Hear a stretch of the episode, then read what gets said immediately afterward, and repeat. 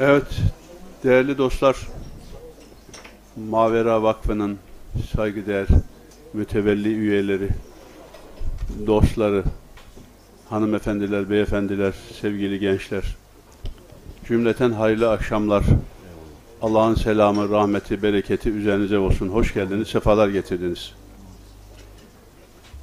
Salon yerleşinceye kadar e, hem sizi bilgilendirmek hem de bir miktar programa ısınmak için, sohbete ısınmak için müsaadenizle e, Mavera Vakfı'nda devam eden ya da e, yeni dönemde devreye girecek olan bir takım faaliyetlerimizi hızlıca hatırlatmak istiyorum. Bugün biraz sonra da arz edeceğimiz gibi e, misafirimiz Savaş Barkçın hocamız tevhid ve medeniyet üzerine bir söyleşi gerçekleştireceğiz. Takriben bir saat kadar hocamı dinleyeceğiz. Yani o az buçuk esnemesi olabilir.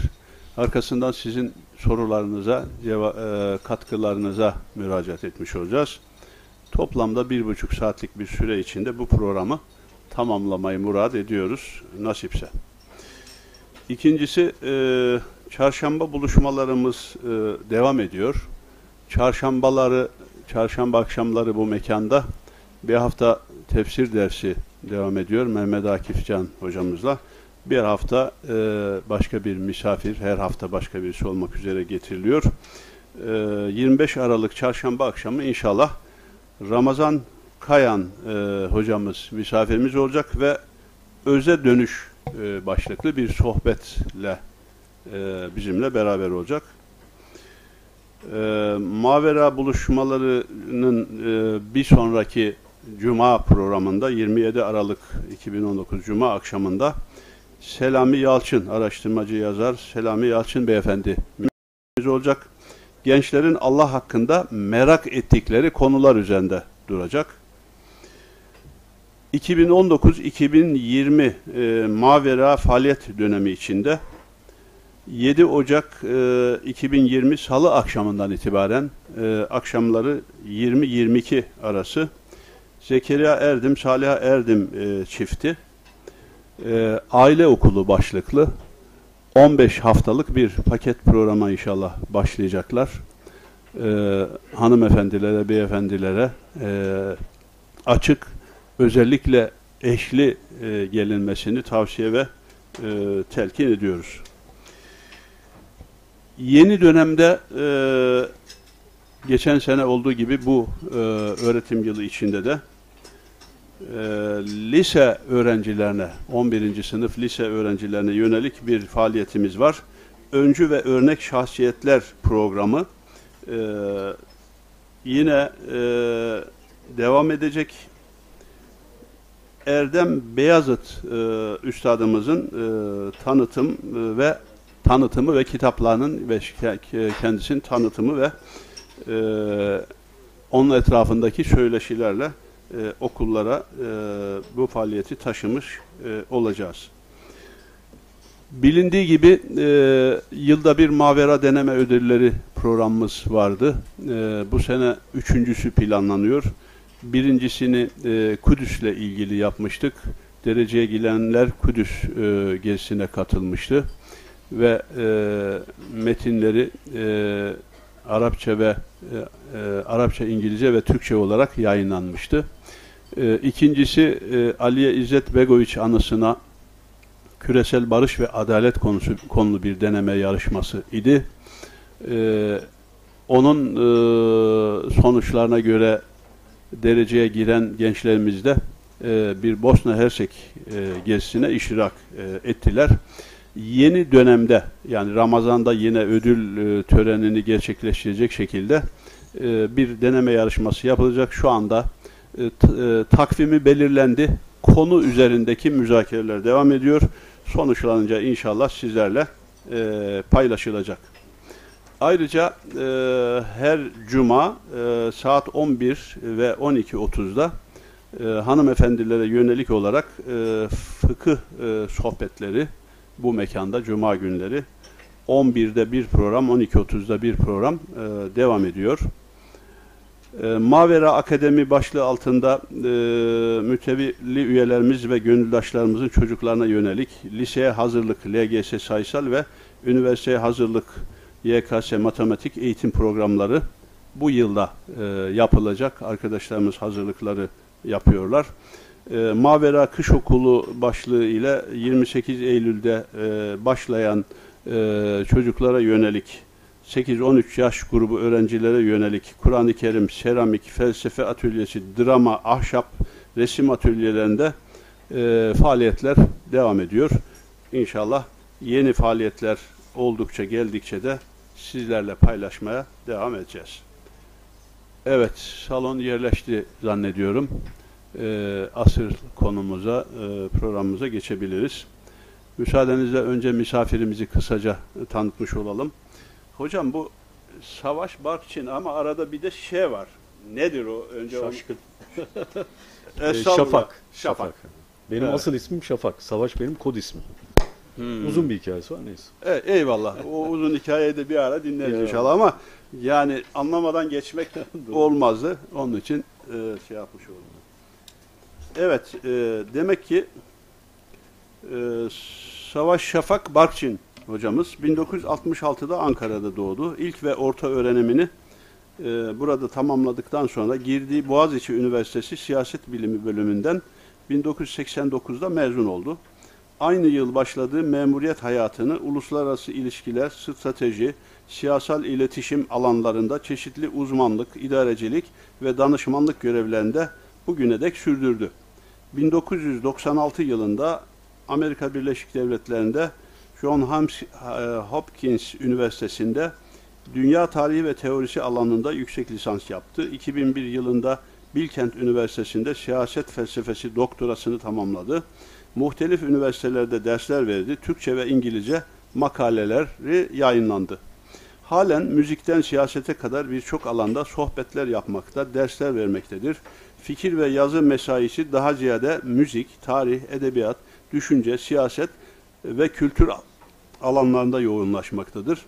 Müzik albümleri, televizyon programları ve belgeseller üretti. Klasik Türk musikisi alanında beste ve güfteleri, klasik halk tarzı ve serbest üslupla şiirleri, denemeleri, çocuk masalları, mizah yazıları, kısa hikayeleri var. Yayınlanan eserleri Modern Dünyada Geleneksel İslam, Seyit Hüseyin Nasr'dan tercüme İnsan Yayınları 1989, Şilop, Tembel Tekin, e, Evin Cini, Semerkant Çocuk Yayınları 2001, Görünmeyen Umman Ahmet Avni Konuk, Klasik Yayınları 2009, 40 Makam 40 Anlam Merkez Bankası Yayını 2011, Rumeli Bir Müzik Seferi, İMKB Yayını 2012, Kalemin Dilinden Avea Yayını 2012, Divanı Zerefşan Litera Yayınları 2013, Şehirler ve Sesler Tika Yayını 2014, Gönül Dağı Erdem Yayınları 2015, Kalbin Aklı İnsan Yayınları 2016, Gönül Makamı İnsan Yayınları 2017, Osmanlı Aklı Mostar Yayınları 2018. Ee, Medeniyet Aklı O da ee, 2017. bu da biraz önce da e, okuduk da elimin altında olduğu için bari bunu göstereyim demiş oldum.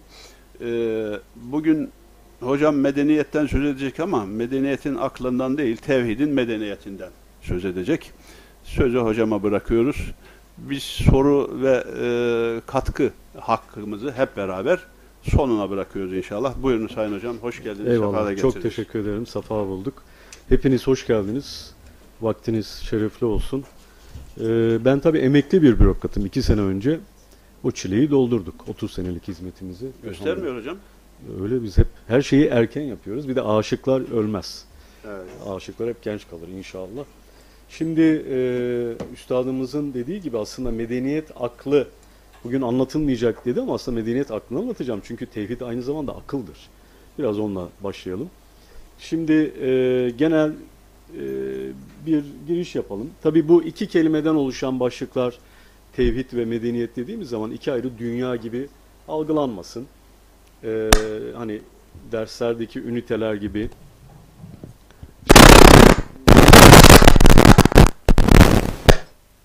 diyelim ki işte edebiyat ve felsefe deyip iki ayrı dünya değil. Maalesef bu bölücülüğe en fazla müminler kapılıyor. İki asırdan beri böyle bir şaşkınlığın içinde. Yani edebiyatla mimar ne, ne alakası var? Ben gençliğimden beri çok farklı görünen alanların irtibatlarını çok araştırırım. Nitekim e, şehir üniversitesinde e, iki senedir e, İngilizce müzik ve medeniyet diye kendi tasarladığım bir dersi veriyorum. Orada mesela her bir ders müzik ve psikoloji, müzik ve mimari, müzik ve ruh bilimi, müzik ve din, müzik ve siyaset gibi başlıkları anlatıyorum. Şimdi bu irtibatlama e, kafası bende gençlikten beri var. O yüzden bugün tevhid ve medeniyet dediğimde iki ayrı şeyden bahsetmiyorum. Onu belki konuşurken anlayacağız. Şimdi ben slaytlara başlıyorum. Nerede gözüküyor slaytlar? Orada ve burada hocam.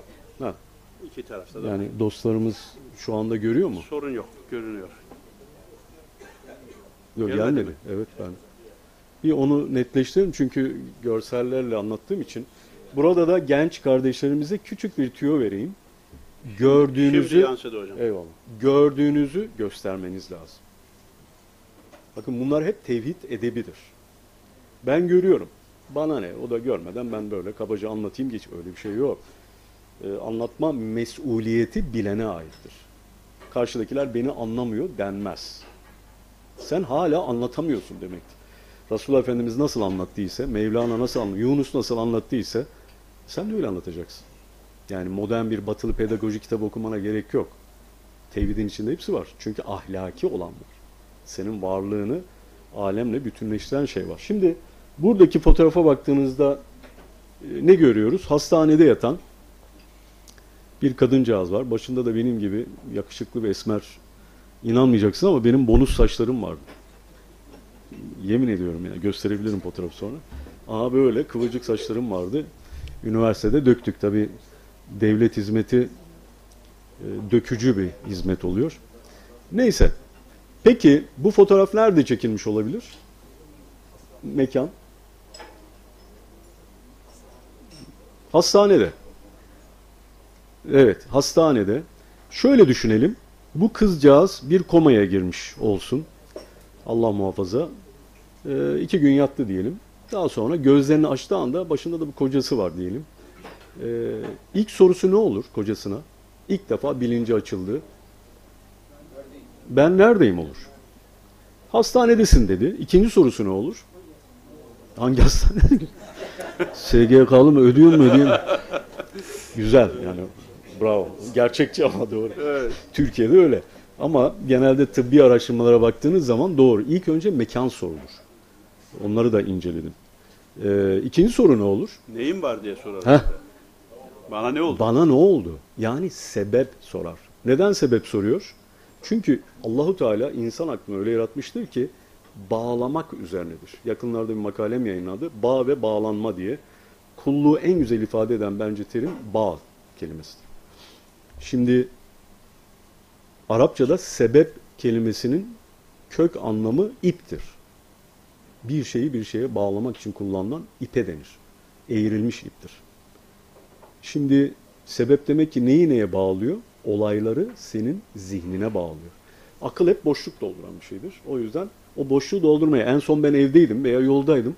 Birden hastanede nasıl oldum? Arada bir boşluk var. Akıl hemen onu bütünlemeye çalışıyor. Peki dedi ki e, kaza geçirdim. Üçüncü sorusu ne olur? Evet. Ne zamandan beri? Sen de tüyo mu aldın? Ne yaptın oğlum? Bu benim eski talebe. Bunlar bu çakallık yapmaya gelmiş. Neyse. Ee, siz onları engelleyin efendim. Evet. Üçüncü soru. Ne zamandan beri? Yani tarih sorusu. Şimdi dikkat edin. Bilinçsizlikten insan bilince geçtiği vakit, şuursuzluktan şuura geçtiği vakit üç şeyi netleştirmeye çalışıyor. Bir, mekanı nedir? Benim mekanım ne- neresi? İki, bana ne oldu? Olaylar, sebepler. Üç, tarih. Benim tarihim ne? Geçmişim ne? Şimdi bu kızcağız örneği üzerinden İslam ümmetinin son iki asırını bir koma haline benzetiyorum. Evet, Müslümanlar yaşıyorlar. Çoluk çocukları oluyor. Ee, ülkelerinde bakan oluyorlar, partiler kuruluyor, seçimler yapılıyor, ticaret yapılıyor, üniversiteler talebi bir faaliyet var. Ama zaten komadaki insanın vücudu ölmez ki. Dalağı çalışır eğer ayrı bir hasar yoksa. Bütün organları çalışıyor. Bir yeri kapalı. Neresi? Bilinç. Beyindeki evet bilinç merkezi kapalı. Müslümanlar da her şey yapıyorlar dünyada. Paraları var, petrol çıkaranı var, alıp vereni var. Her şey var. Fakat ne yaptıklarını bilmiyorlar. İki asırdan beri. Ne yapıyor? Biz kimiz ya? Bizim farkımız ne? Mesela benim bir kafir hocadan ne farkım var? Olmamasına gayret ediyoruz. Tam tersi iki asırdan beri. Ee, bir siyasetçinin kafir olan siya- olmamasına, reel politiğe o yüzden korkunç bir saldırı var. Güç her şeyin merkezi haline geliyor. Şimdi bu şuursuzluk hali, şuraları hızlıca geçeceğim. Maalesef kavramlara da yansıyor. Şimdi ben kavramlar üzerinde çok duran birisiyim. E çünkü e, felsefe altyapım da var, edebiyat altyapım ve müzik altyapım da var. E, şimdi bunların hepsinin özünün tevhid olduğunu bildim ve tevhidde birlememe, birlemem gerektiğini başından beri bildiğim için kavramlara çok dikkat ve itina etmeye çalışıyorum. Şimdi bugün dindar bir insandan bile şu sözü duyabiliyorsunuz. Yaptığınız hiç etik değil. Ben de diyorum ki yo yo yaptığı etik de ahlaksız. Evet. Aa nasıl? Ne nasıl? Yani ahlak kavramının kökünde ne var? Halik. Yaradan Allah. Tevhid kavramları farklıdır. Hepsinin izini takip edin Allah'a çıkar. Sıdk. Sadaka verdin. Sıdk gösterdin. Sıdk. Doğruluk. Peki sıdk kime gösterilir? Allahu Teala. Aliye Veli'ye değil. Ama etik pazarlık alanıdır. Demokrasi gibi, anayasa gibi. Onlar pazarlıkla oluşmuş şeylerdir. Belli güruhlar, belli güç odaklarının şekillendirdiği şeylerdir. Orada Halık'ı bilen bir yapı yok. Halık'ı da eksen almaz. Ölçüsü Allah değildir. Nefsaniyettir. Yani hesaptır, kitaptır.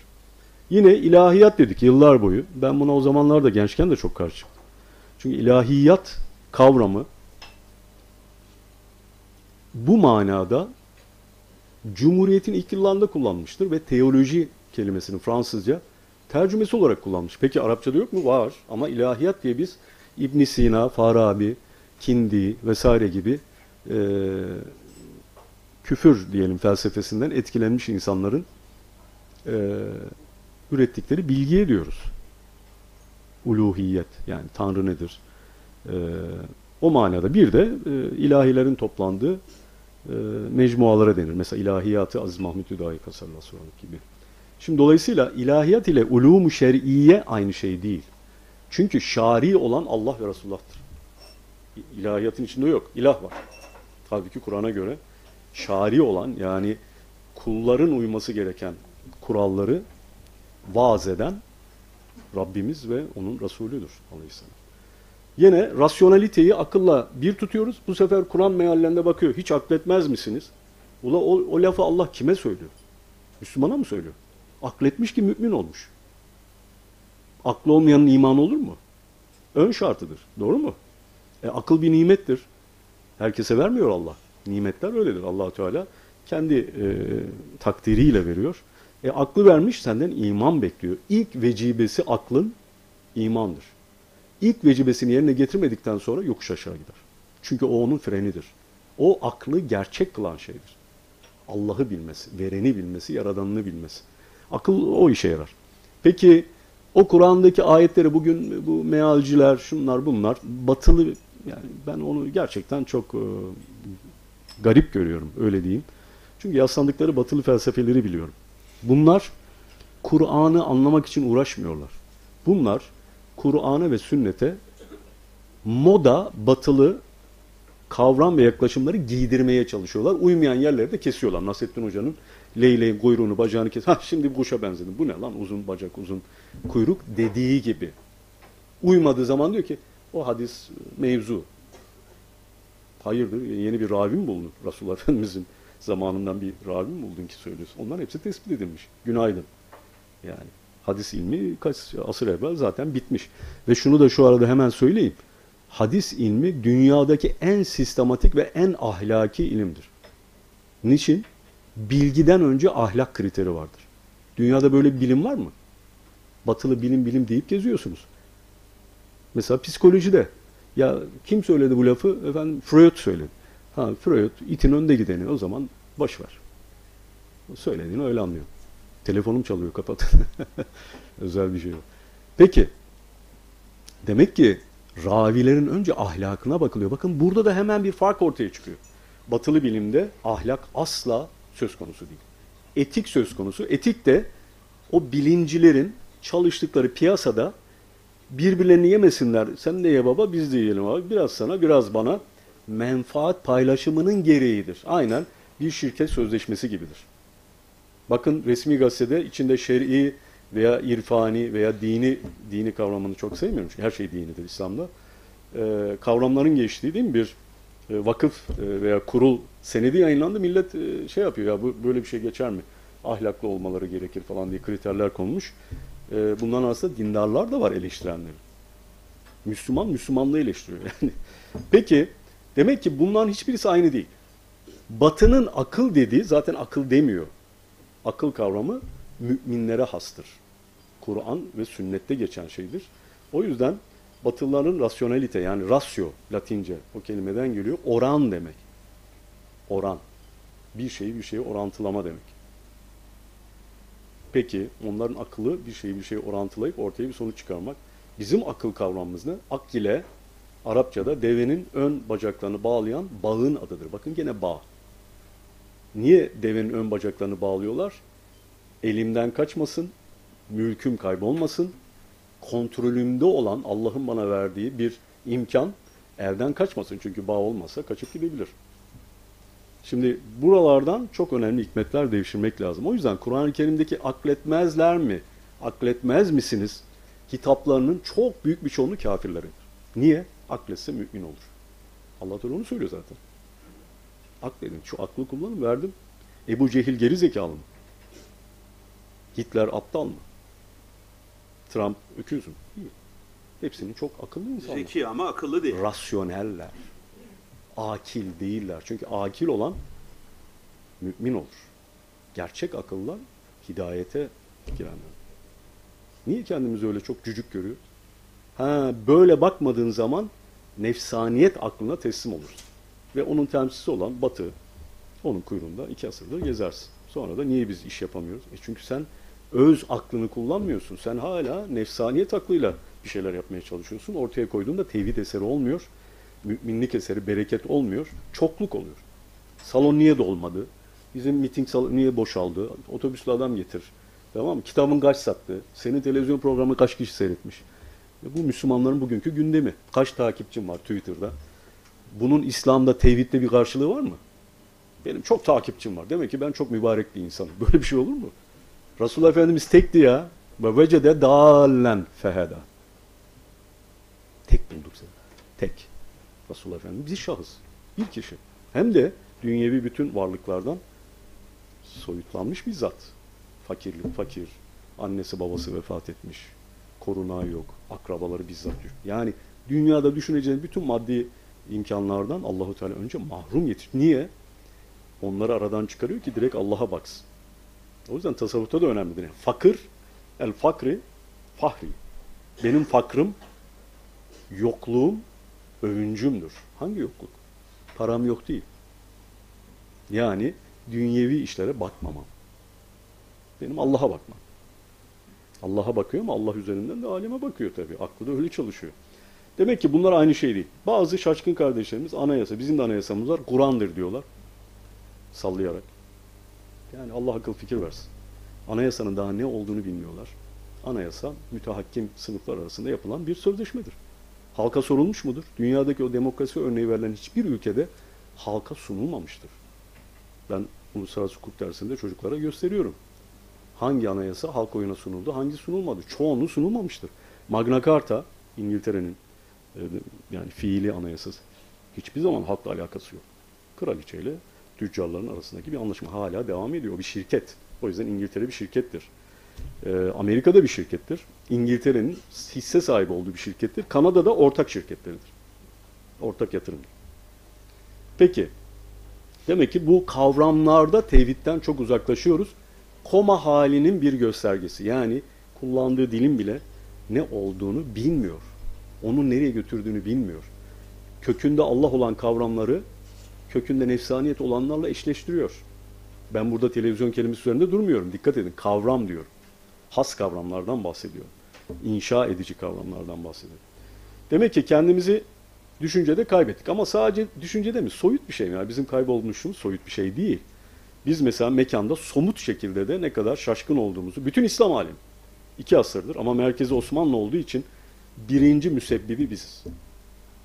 İslam aleminin sapmasının birinci müsebbibi Osmanlılar. İki asırlık sapmadır.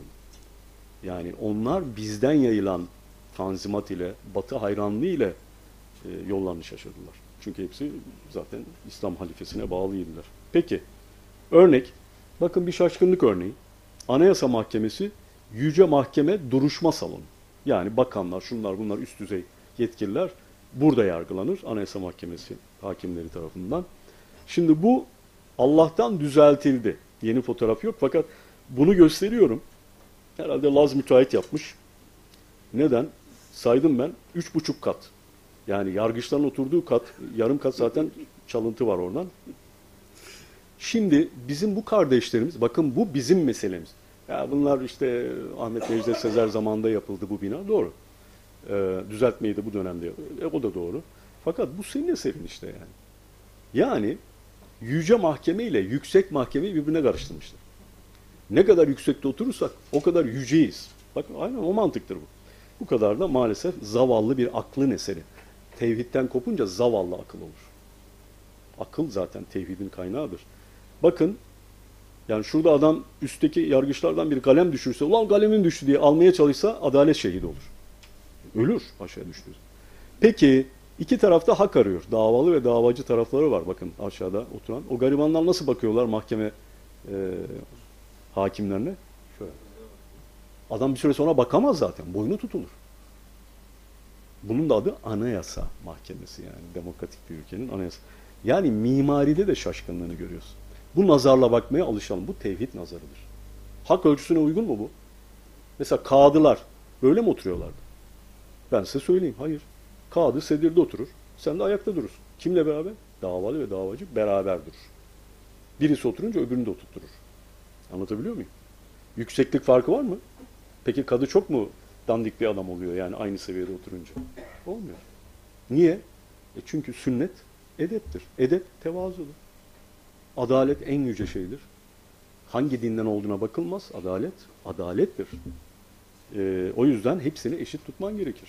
Aynı seviyede, aynı düzeyde. Yine Marmara Ereğlisi'nden her geçtiğimde bunu görüyorum. Bu işte aslında bizim iki asırlık çorbamızın, kafada çorba var abi. Ee, yani iman, düşünce, ilim, irfan, sanat hepsi böyle çorba halinde. Mesela burada bakın tepede kupol var. Yani Roma tarzı bir kubbe var. O Amerika'dan almış. Sonra burada Yunan tarzı güya bir iki tane sütun koymuş. O da Yunan oldu. Roma var, Yunan var. Değil mi? Orada işte cami şeyi var. Yuvarlak e, kavisli pencere. Yani yok yok maşallah. Mesela bizim herhangi bir parti programını açın Türkiye'deki. Orada da yok yok. Din var, diyanet var, Allah var, Allahsızlık var. O var, bu var. Eksik kalmasın. Bizim derdimiz eksik olmasın. Yeri gelince tak diye diyorsun. E yine Müslümanlar dünyanın muhtelif yerlerinde Filistin davası için e, faaliyet yapıyorlar. Çok güzel. Kudüs'ü kurtaran çok güzel. Bakın şu işgalden kimse bahsetmiyor. Kıblemizin işgali. Kudüs üçüncü sırada. Birinci ve ikinci sıra işgal altında. 1920'den bir. Bak adam onu oraya dikiyor. Kabe'ye bakın minnacık. Tepeden bak. Orada da Londra saat kulesine benzetilmiş. Adına da zemzem denilen bakın çorba artık tevhid falan yok da buradan başka bir şey yok. Yoldan çıkmış, çıkmışlığın en güzel göstergesidir bu. Müslümanlar bu konuda hiç protesto yaptılar mı dünyada? Ulan terbiye siz ne yapıyorsunuz? Yok. Evet. Halbuki 1915'teki hali bu. Zaten o minareler de güya Araplığı sembolize etsin diye o kadar şaşkınlar ki Suudlar. Gitmişler Mısır Memlüklerinden almışlar Osmanlı minarelerini yıkarak yaptılar onu. Bakın orijinali bu. Bugünkü minareler eskiden yoktu. Onlar yenidir. 1930'larda yapılmış minareler. Ve darma duman ettikten sonra. Yani mekanda da şaşkınsın. Hala komadayız. Demek ki 200 yıldır sadece gücümüzü değil kendimizi kaybettik. Ama 200 yıldır kendimizi aramıyoruz. Gücü arıyoruz. Ben gücü bulursam adam olurum. Gücüm olmasa ben Müslüman değilim. Gücü bulunca ben Müslüman olurum. Nasıl bulursam bul. Ahlak olmadığı için, etik olduğu için sorun yok. Ahlak olmayınca Halik'le de alakan olmuyor. Serbest oluyorsun. Yani Amerika nasıl güç topluyorsa, İngiliz nasıl güç, sen de aynı şekilde topluyorsun. O da sana caiz oluyor. Fakat kendimizi kendi de aramıyoruz. Kendimizi arayanlar da kendi evinde aramıyor. Mesela çok örnek vermek istemedim çok uzar diye. İlahiyat Fakültesi mecmualarına veya kitaplarına bakarsanız ben gençliğimden beri söylüyorum. Bu kaynakçalar üzerinde bir istatistik çalışma yapılsın. Ee, Kur'an'ı, sünneti, dinimizi anlamak üzere yapılan çalışmaların yüzde belki 80 referansının kafirlere ait olduğunu görürsünüz. Yani kafir bana Kur'an nasıl anlamam gerektiğini söylüyor. Bakın verilen referanslar bunlar. Bugün kullanılan modeller de bu. Hermeneutik modeli getirip İslam'a giydirmeye çalışanlar var. şey dil çalışmalarında da var hocam. Var. Doğru. Her yerde aynı. Müzikte de var. Dolayısıyla böyle bir kendimizi kaybetmişliğimiz var. Artık kendimize gelen. Peki kendimiz deyip duruyorsun abicim. Ben- Kendimiz kim ya? Abicim bizim ismimiz Allah'ın kuludur. Biz Abdullah'ız. Hanımlar Emetullah. Şimdi bunu bir kere koymak gerekiyor. Bunu kavramadıktan sonra senin yaptığın ilahiyatın, senin yaptığın müziğin, senin yaptığın siyasetin, ticaretin kusura bakmayın. İslam orada bir sos olur. Üzerinde sos. Sıyırırsın. Alttaki yiyecek senin Amerika'da bulduğun, Çin'de bulduğun yiyeceğin aynıdır. Şu anda biz bu ikiliği ve sahteciliği yaşıyoruz. Yani bu ülkeden FETÖ ikircikli bir yapı, münafık yetiştiren bir yapı olarak yetişti. Ama acaba başka siyasi, e, dini yapılar da aynı şey değil mi? Onlar çok mu samimi insanlar yetiştiriyor? Aynı şey. Demek ki ikirciklik birisi zirveye çıktı. FETÖ, memleketi satacak kadar, ihanet edecek kadar. Ama kusura bakmayın Türkiye'deki siyasi hareketler hepimiz içine koyalım. Sanat hareketlerinin hep yani onların merkezi tevhid mi yani? O da değil. O da münafıklık üzerine. ikirciklik. Yani ben meslek hayatımda 50 kere karşılaştım. Yurt dışına bir göreve gittiğimde büyükelçi eğer davet ederse yemeğe gidiyorsun. Adamın ilk sorduğu şey ne sizce? Şarap içer misiniz? Benim pek çok dindar arkadaşım vardı. Verdikleri cevap nedir? E, Midem ağrıyor. En sık rastlanan cevaptır. Tabii ben öyle cevap vermedim. Ben içmiyorum. Aa neden? Neden? Diyorum çünkü Allah yasaklamış. O yüzden 28 Şubat'ta da mağdur olduk elhamdülillah. Mağdur ol da böyle ol. Münafıklığın mağduru olma. En azından oradan bir şey tutturmaya çalıştık yani. Peki Allah'ın kulu demek, bakın bunu dediğiniz anda alem değişir. Hidayete ermiş batılılarla oturup konuşursanız veya onların mülakatlarını, kitaplarını okursanız anlarsınız.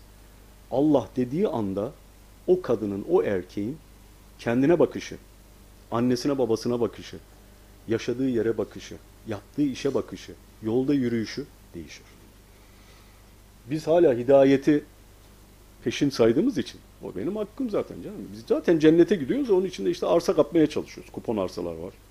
Araya aracı koymaya çalışıyoruz falan. Aynen hikaye böyle. Yani menfaatçi, rasyo, rasyonel bir dindarlık. Muvahhid olmamız gerekir. Peki o zaman medeniyetimizin adı ne? Tevhid medeniyet. Arkadaşlar Roma'da medeniyet insanları arslanlara pas, e, parçalatıp stadyumlarda eğleniyorlardı çekirdek çitleyi. Bu da medeniyet. Bugünkü Amerika'da medeniyet. Münafıklığın ve zulmün e, başı. Rusya daha mı az? E, Rusya aynı. Çin aynı. Yani onlar medeniyet. Sen nasıl medeniyet? Aynı cins miyiz yani? Müminlerin medeniyeti aynı olur mu? Olmaz. O yüzden biz herhangi bir medeniyet değiliz. Bu medeniyet kelimesinin kullanımına çok dikkat etmek lazım. Çünkü tercüme bir kavramdır. Evet Arapçada kökü var. Fakat o manada kullanılmıyor. Batılı e, biliyorsunuz hatta öyle bir rivayet var. Mustafa Reşit Paşa'nın ilk defa sivilizasyon Fransızca e, medeniyet kavramını ona karşılık kullandığı söylenir 1830'larda. Dolayısıyla bunda da çok dikkatli olmak lazım. Bunun da klişeleştiğinin farkında olmak. Her yere medeniyet yazıyoruz şimdi. İyi de içinde ne var? Hocam affedersiniz e, benim aklımda şöyle bir şey kalmış. Din, Medine, medeniyet aynı kökten geliyor değil mi? Yok, deyinin e, deyinden geldiği söyleniyor ama onu Mustafa abi daha iyi bilir. Başka bir kök e, olduğuna dair daha kuvvetli bir şey var, rivayet var. Yani şehirleşme anlamında. Evet. Tabi ama Onu söyleyenler de var. Deyin de borç demek zaten. E, zaten şehir borç yeri. Niye? Hukuk yeri. Köyde töre olur. Hukuk olmaz. Benzerlerde töre olur. Benzemezlerde hukuk olur. Bunu unutmayalım. Yani sen ne kadar karışık bir soyunuz varsa gurur duymanız lazım. Çünkü daha üstte bulunuyorsunuz vasıf olarak. Allah'a kullukta daha yakınsınız. Niye?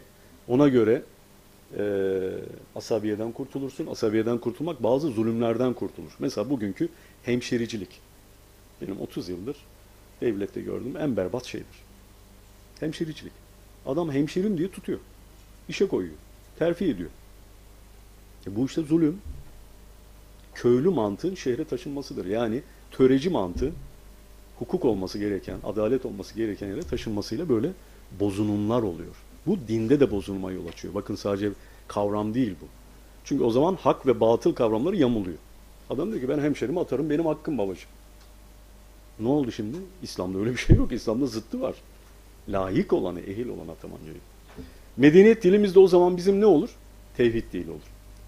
Tevhid kavramları hocam yani nasıl şimdi ben yani ne kullanıyorum? Ben Ankara'da Diyanet'te bu sene tevhid dili diye seminerler veriyorum her ay son cuma günü.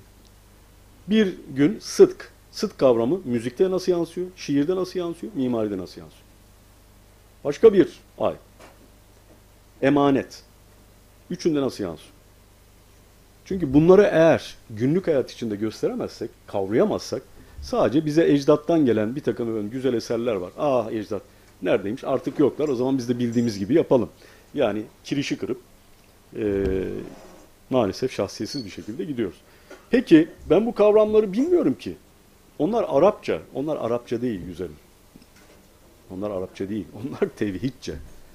Çünkü Arapçadaki kök anlamları da dönüşmüştür. Resulullah Efendimiz zamana kadar takva kelimesi başka bir manada Resulullah Efendimiz'den e, ayetler indikten sonra başka bir kavram. Bunun kaç tane örnek var. O yüzden onlar Arapça değil. Onlar kulca, tevhidce. O yüzden o asli kavramları öğrenelim. Hocam ben nasıl öğreneceğim? Arapça, Arapça bilmene gerek yok.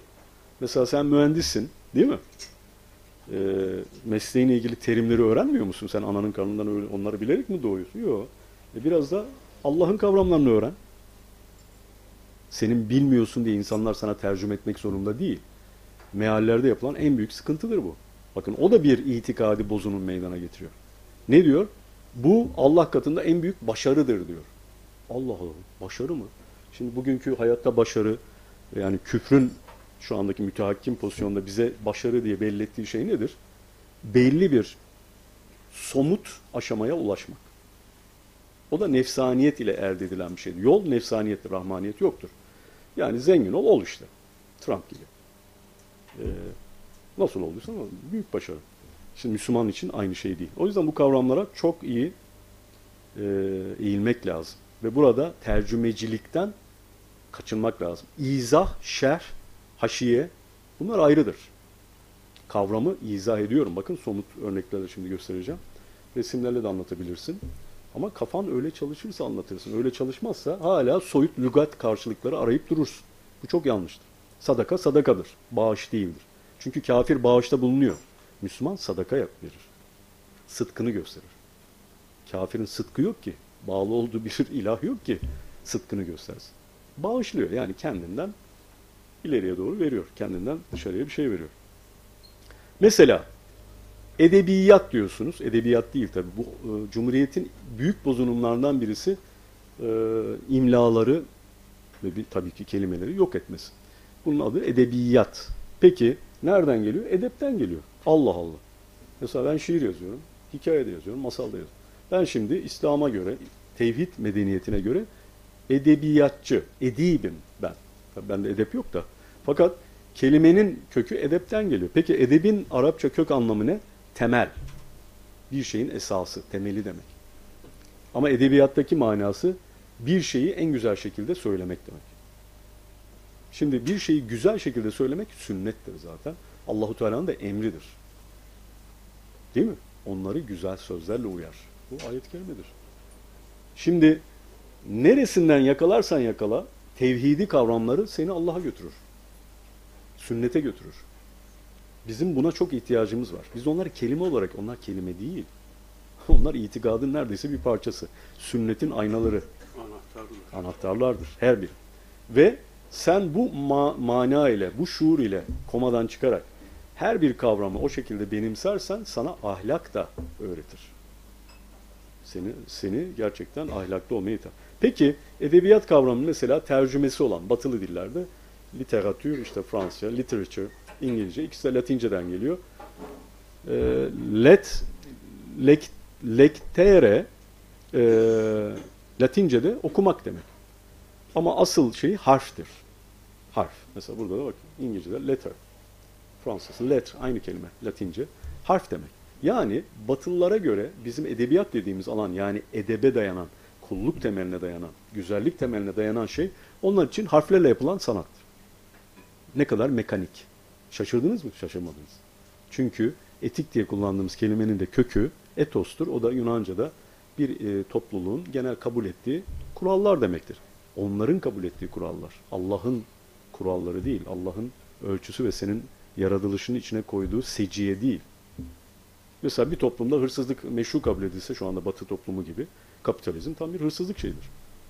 Adı hırsızlık değil diye çok mübarek bir sistem değil yani. Ee, mesela şu anda o meşru kabul ediliyor. E tamam işte etik olan odur. Sen kapitalist olmayınca etik değil denir. Tam zıttı. Anlatabiliyor muyum? O yüzden dilini neye alıştırdığına dikkat et. Dilin olur, kalbin olur. Biz talebelerimize hep meşte söyleriz. Dilinizi güzele alıştırın ki kalbiniz de güzelleşsin. Farsça dil gönül demektir biliyorsun. Peki tevhid dilinin kaynağı ne abi? Mesela bu sadaka kavramı nereden? Şehadet diyorsun. Şehit diyorsun. Bunlar herhangi bir kelime değil. O yüzden Amerikalılar Irak'ta 50 bin şehit verdi denir mi? Kafir için kullanılır mı? İtikadi mesele olur. Biz onları hafife alıyoruz. Kelime ya işte öyle. O da aynı şey hocam. Etik ahlak ne? Çok büyüttün falan. Ulan çok büyütmüyoruz. Akaid meselesidir. İki adım sonrası senin imanına dokunur. Çünkü bu kavramların kökü Kur'an'dır, sünnettir, hikmettir. Hikmet nedir? Müminin, tevhid ehlinin dünyadaki güzeli ve doğruyu derleyip toparlaması. Hangi ölçüyle? Hak ölçü. Tevhid ölçüsüyle. Kafasına göre değil. Güzel olanı neye göre tanımlıyorsun? El Cemil'in, Allahu Teala'nın, güzel olan Allah'ın e, ölçüsüne göre. Biz müzikte öyleyiz. Güzel olanı ben severim. Ben batıda bazı klasik müzikleri de çok severim, dinlerim. E neden? Orada bir hikmet görüyorum. E felsefeciyim. Kant'ta da fel- hikmet gördüm ama tonla hikmet görmedim. Arada bir görürsün. Çünkü kafir arada bir hakikate yaklaşır. Hakikate tam gelse otursa zaten mümin olur. Kardeşim Kant kendi kıçını kurtaramamış. Senin kıçını mı kurtaracak? Ey Müslüman uğraşan kardeşler. Siz felsefeyle çok uğraşıyorsunuz. Yani Heidegger zikri Allah zikrinden daha fazla. Hayırdır? Heidegger hidayet ehli bir adam mı? Ne verebilir sana? Hocam olur mu? Hikmet neredeyse gidin arayın. E tamam güzel ara. Sen acaba tevhid ölçüsünü biliyor musun ki? Senin elinde metre var mı ki gidip onu bunu ölçeceksin? Senin metren yok ki. Ne Kur'an bilirsin, ne sünnet bilirsin, ne edep biliyorsun. Nasıl ölçeceksin? Sen şaşkınsın. Sen sadece üzerinde bir yeşil bir elbise var, İslamcıyım diyorsun veya İslam'ım diyorsun. Dolayısıyla bunlara dikkat edelim. Bunlar boş kavramlar değil. Yine örf. Ama neye uyan? Hiyerarşi. Bu hiyerarşi. Hangi örf? Batıl örf değil. Tabii ki Kur'an ve sünnete uyan ölçü. Mesela çok enteresan bir şey var YouTube'da. Lütfen seyretmeyenler seyretsin. Ben bunun üzerine cinse de bir yazı yazdım. Şimdi iki tane sokakta vatandaşa şu hanımefendi geliyor. Diyor ki ezan Türkçe okutulur mu? Ezan Türkçe okuması gören var mı? Elimizi bir kaldıralım. Abi harika bir şey. Ben bu iki adamı çok sevdim. Biraz gerçi ırkçı falan şeyleri alttan çıkıyor tabii o maalesef. Önce Kürtçe anlıyor falan bir tepki gösteriyor. Hayır hayır olamaz falan filan gibi. Yok yok diyor Türkçe diyor kadın. Onun üzerine bu abi ne diyor şu sakallı abi. Lan diyor ezan zaten Türkçe diyor. Bakın tevhidceyi genetik bir şekilde tevarüs etmiş adam. Yani Allahu Ekber diyor. Çünkü Allahu Ekber Arapça değil, tevhidce. Boşnak da Allahu Ekber der. Malay da Allahu Ekber der. Kürt de Allahu Ekber der. Temelin Araplar da Türkçe konuşuyorlar demesi gibi. Aynen. Hiç sıkıntı çekmedik namazlarda ama sokağa çıkınca sapıtıyorlar demiş. Sokağa çıkınca sapıtıyorlar. Orada çünkü Arapça anlamıyor. Namazda diyor Türk Türkçe var diyor. Aynen. Bu arkadaşlar e, bulursanız benim yazımı ve aslında bu YouTube videosunu seyretseniz daha güzel. Bakın bu işte irfandır. Yani bir şekilde içine diyor ki ya Türkçe diyor. Kadın diyor ki ne Türkçesi. Arapça diyor. Ya olur mu diyor. Ne diyor diyor ezan diyor. Ne diyor diyor. Ee, Bismillah diyor diyor. Bismillah demiyor tabii de. Ondan sonra işte Allahu Ekber diyor. diyor. E, Türkçe işte diyor. Allah diyor diyor. Türkçe diyor. Gördünüz mü? Anlatmaya çalışın belki en güzel özetleyen şey bu. Ee, yine bakın bu Boşnakça bir amentü metni. Burada bakın altını çizdim. Ne zamandan beri Türksün diyor. Hani cevabı ne? Kalübela bak yazıyor. Od kalübela. Kalübeladan. Türksün diyor. Ne zamandan beri Türksün? Türk etnik şey değil ki. 1800'lerin sonuna kadar etnik kelime olarak kullanmıyor. İngilizce'de İslam kelimesi 1700'lerin ortasına kadar bilinmiyor. Peki ne diyorlar Müslümanlara? Türk. Ya Türk diyorlar, ya Mahommedan diyorlar, Muhammedi veya Saraken diyorlar, Şarklı. Şarki Yun'dan geliyor. Dolayısıyla e, bakın tevhidin bozulması, ırkçılığın ortaya çıkması bu kavramların bozulumunu da getiriyor. Peki medeniyet ne? Medeniyetin üç temeli var. Mekan, insan ve zaman. Bakın burada dört ayrı İslam beldesinden dört ayrı birbirinden farklı nesne koydum. Bunların dördünde de fiziksel bir benzerlik var. Nedir? Dördünde de ortak bir nokta var.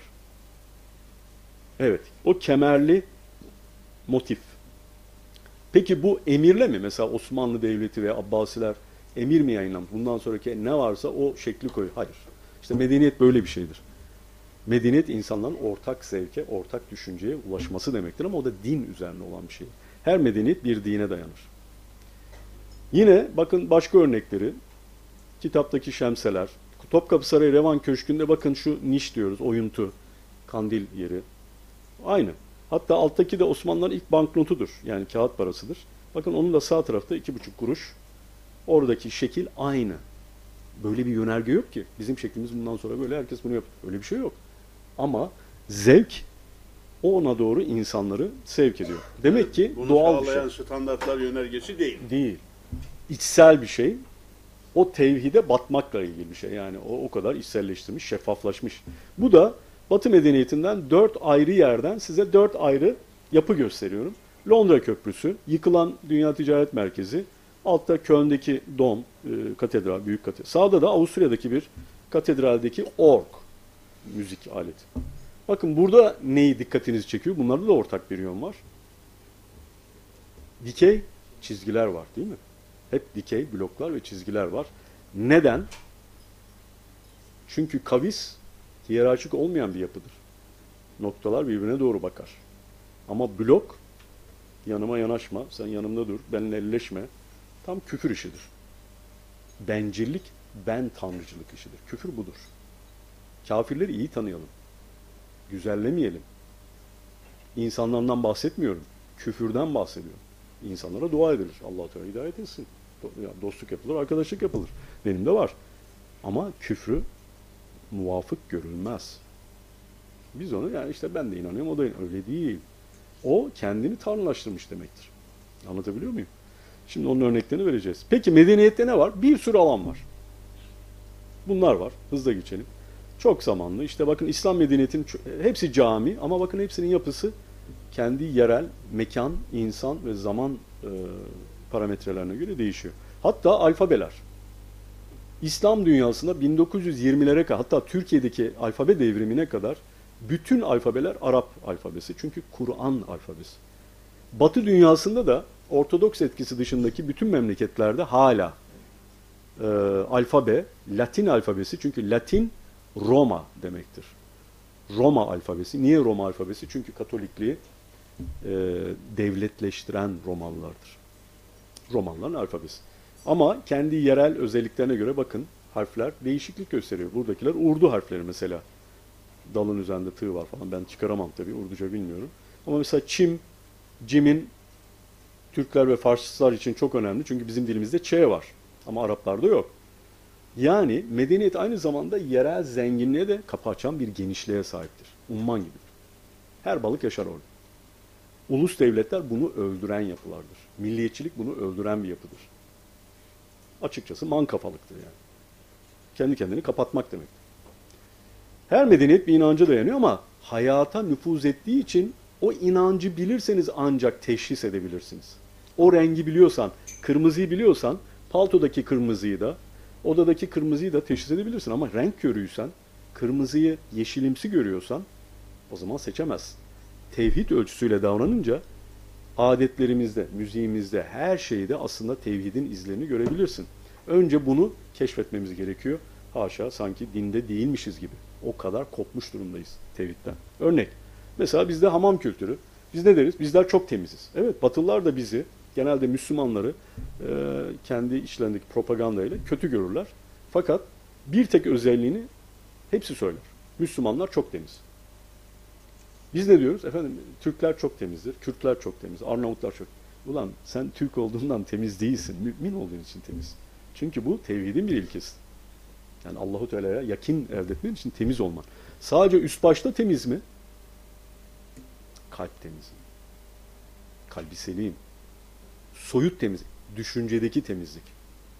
Mesela bir kafir düşünür ile, düşünce ile müminin ürettiği düşünceyi aynı kefeye koymamak gibi. Anlatabiliyor muyum? Çünkü mümin mutlaka iman isabeti vardır. Peki mesela sağda abiler culup culup yapıyorlar. Hala buna benzer yapıyorlar mı? Yapıyorlar tabii. Küvet. Küvet o sağdaki fıçının modernleşmiş hali. Kendi pisti içinde oturur.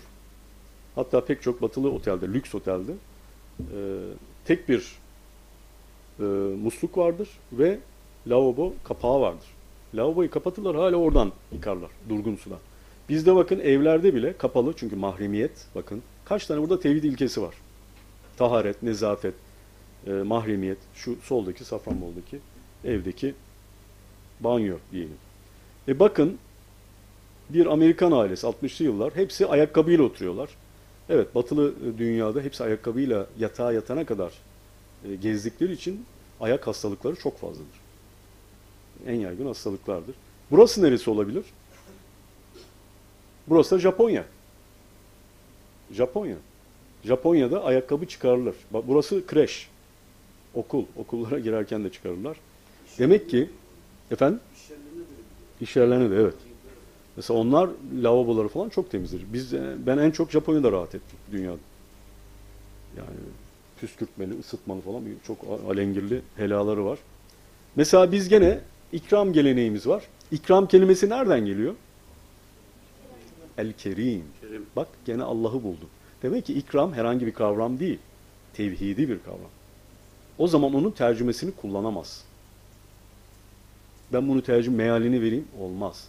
Şerh edeceksin. Ne ile? En önce eylemle.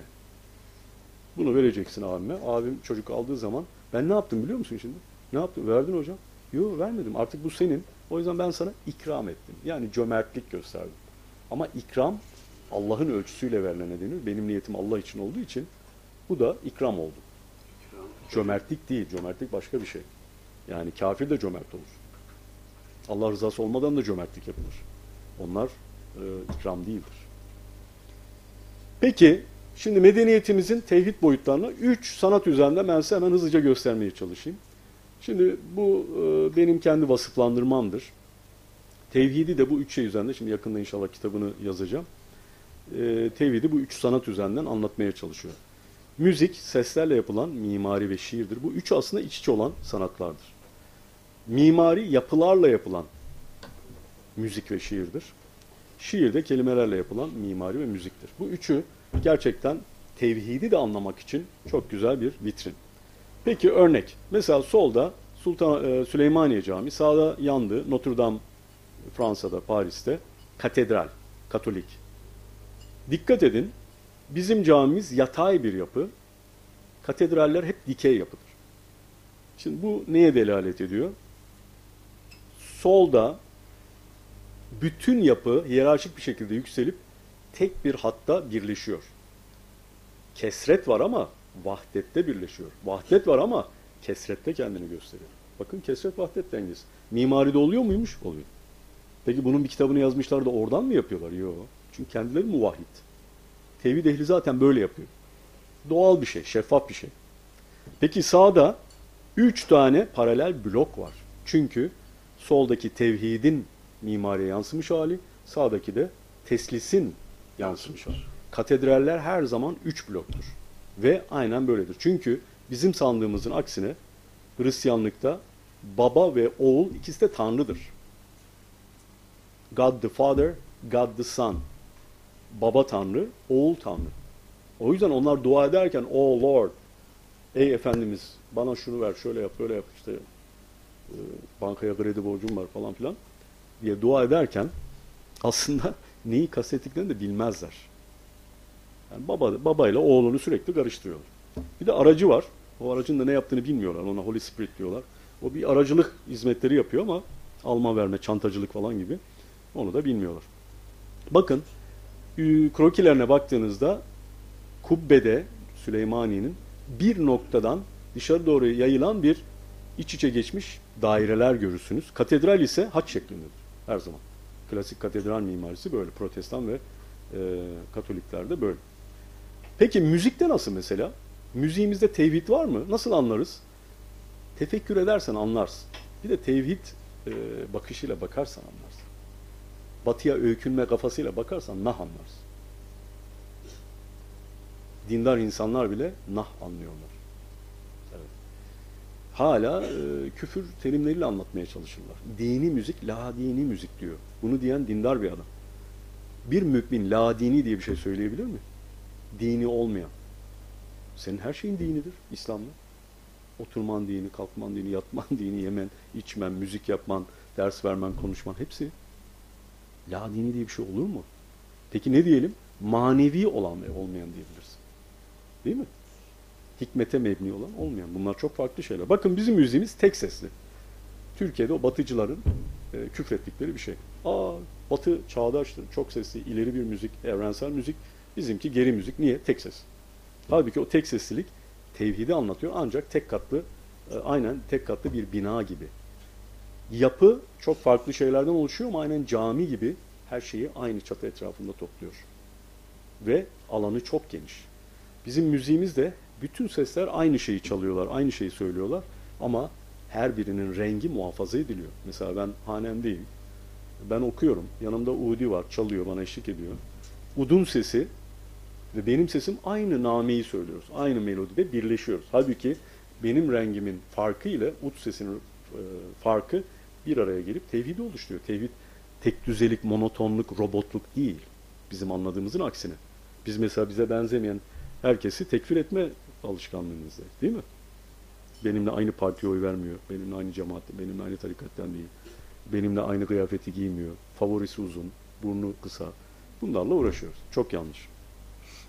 Gene Batı müziğiyle kıyaslanın. Batı müziği bakın şu sağdaki portelere baktığınızda çizgilere, notaların yazıldığı orada ne kadar büyük bir dikey paralellikler. Aynı katedral mimarisi gibi. Dikeydir. Batı müziği yan yana konulmuş. Tabii ki bu da bir maharettir. Yani biz burada kötü, iyi diye bir şey söylemeyiz. O, o medeniyetin teslisinin yansıdığı bir alandır. Böyle söyleriz. Burada da yine dikeyliği görüyoruz. Müzikte de aynısı var. Mimari ve müzikte. Hatta şehir planlarında da aynısı var. Mesela Bağdat şehri ilk planlı şehirdir. İslam dünyasında Harun Reşit planlamış ve yapmış. Tabi bugünkü hali perişan. Burada da merkezde ne var? Bir ulu cami var. Cami-i Kebir. Çevresinde de mahalleler oluş. Sağda buna çok benzeyen bugünkü Hemeda'nın uçaktan çekilmiş fotoğrafı var. İslam şehri gene daire şekline oturuyor.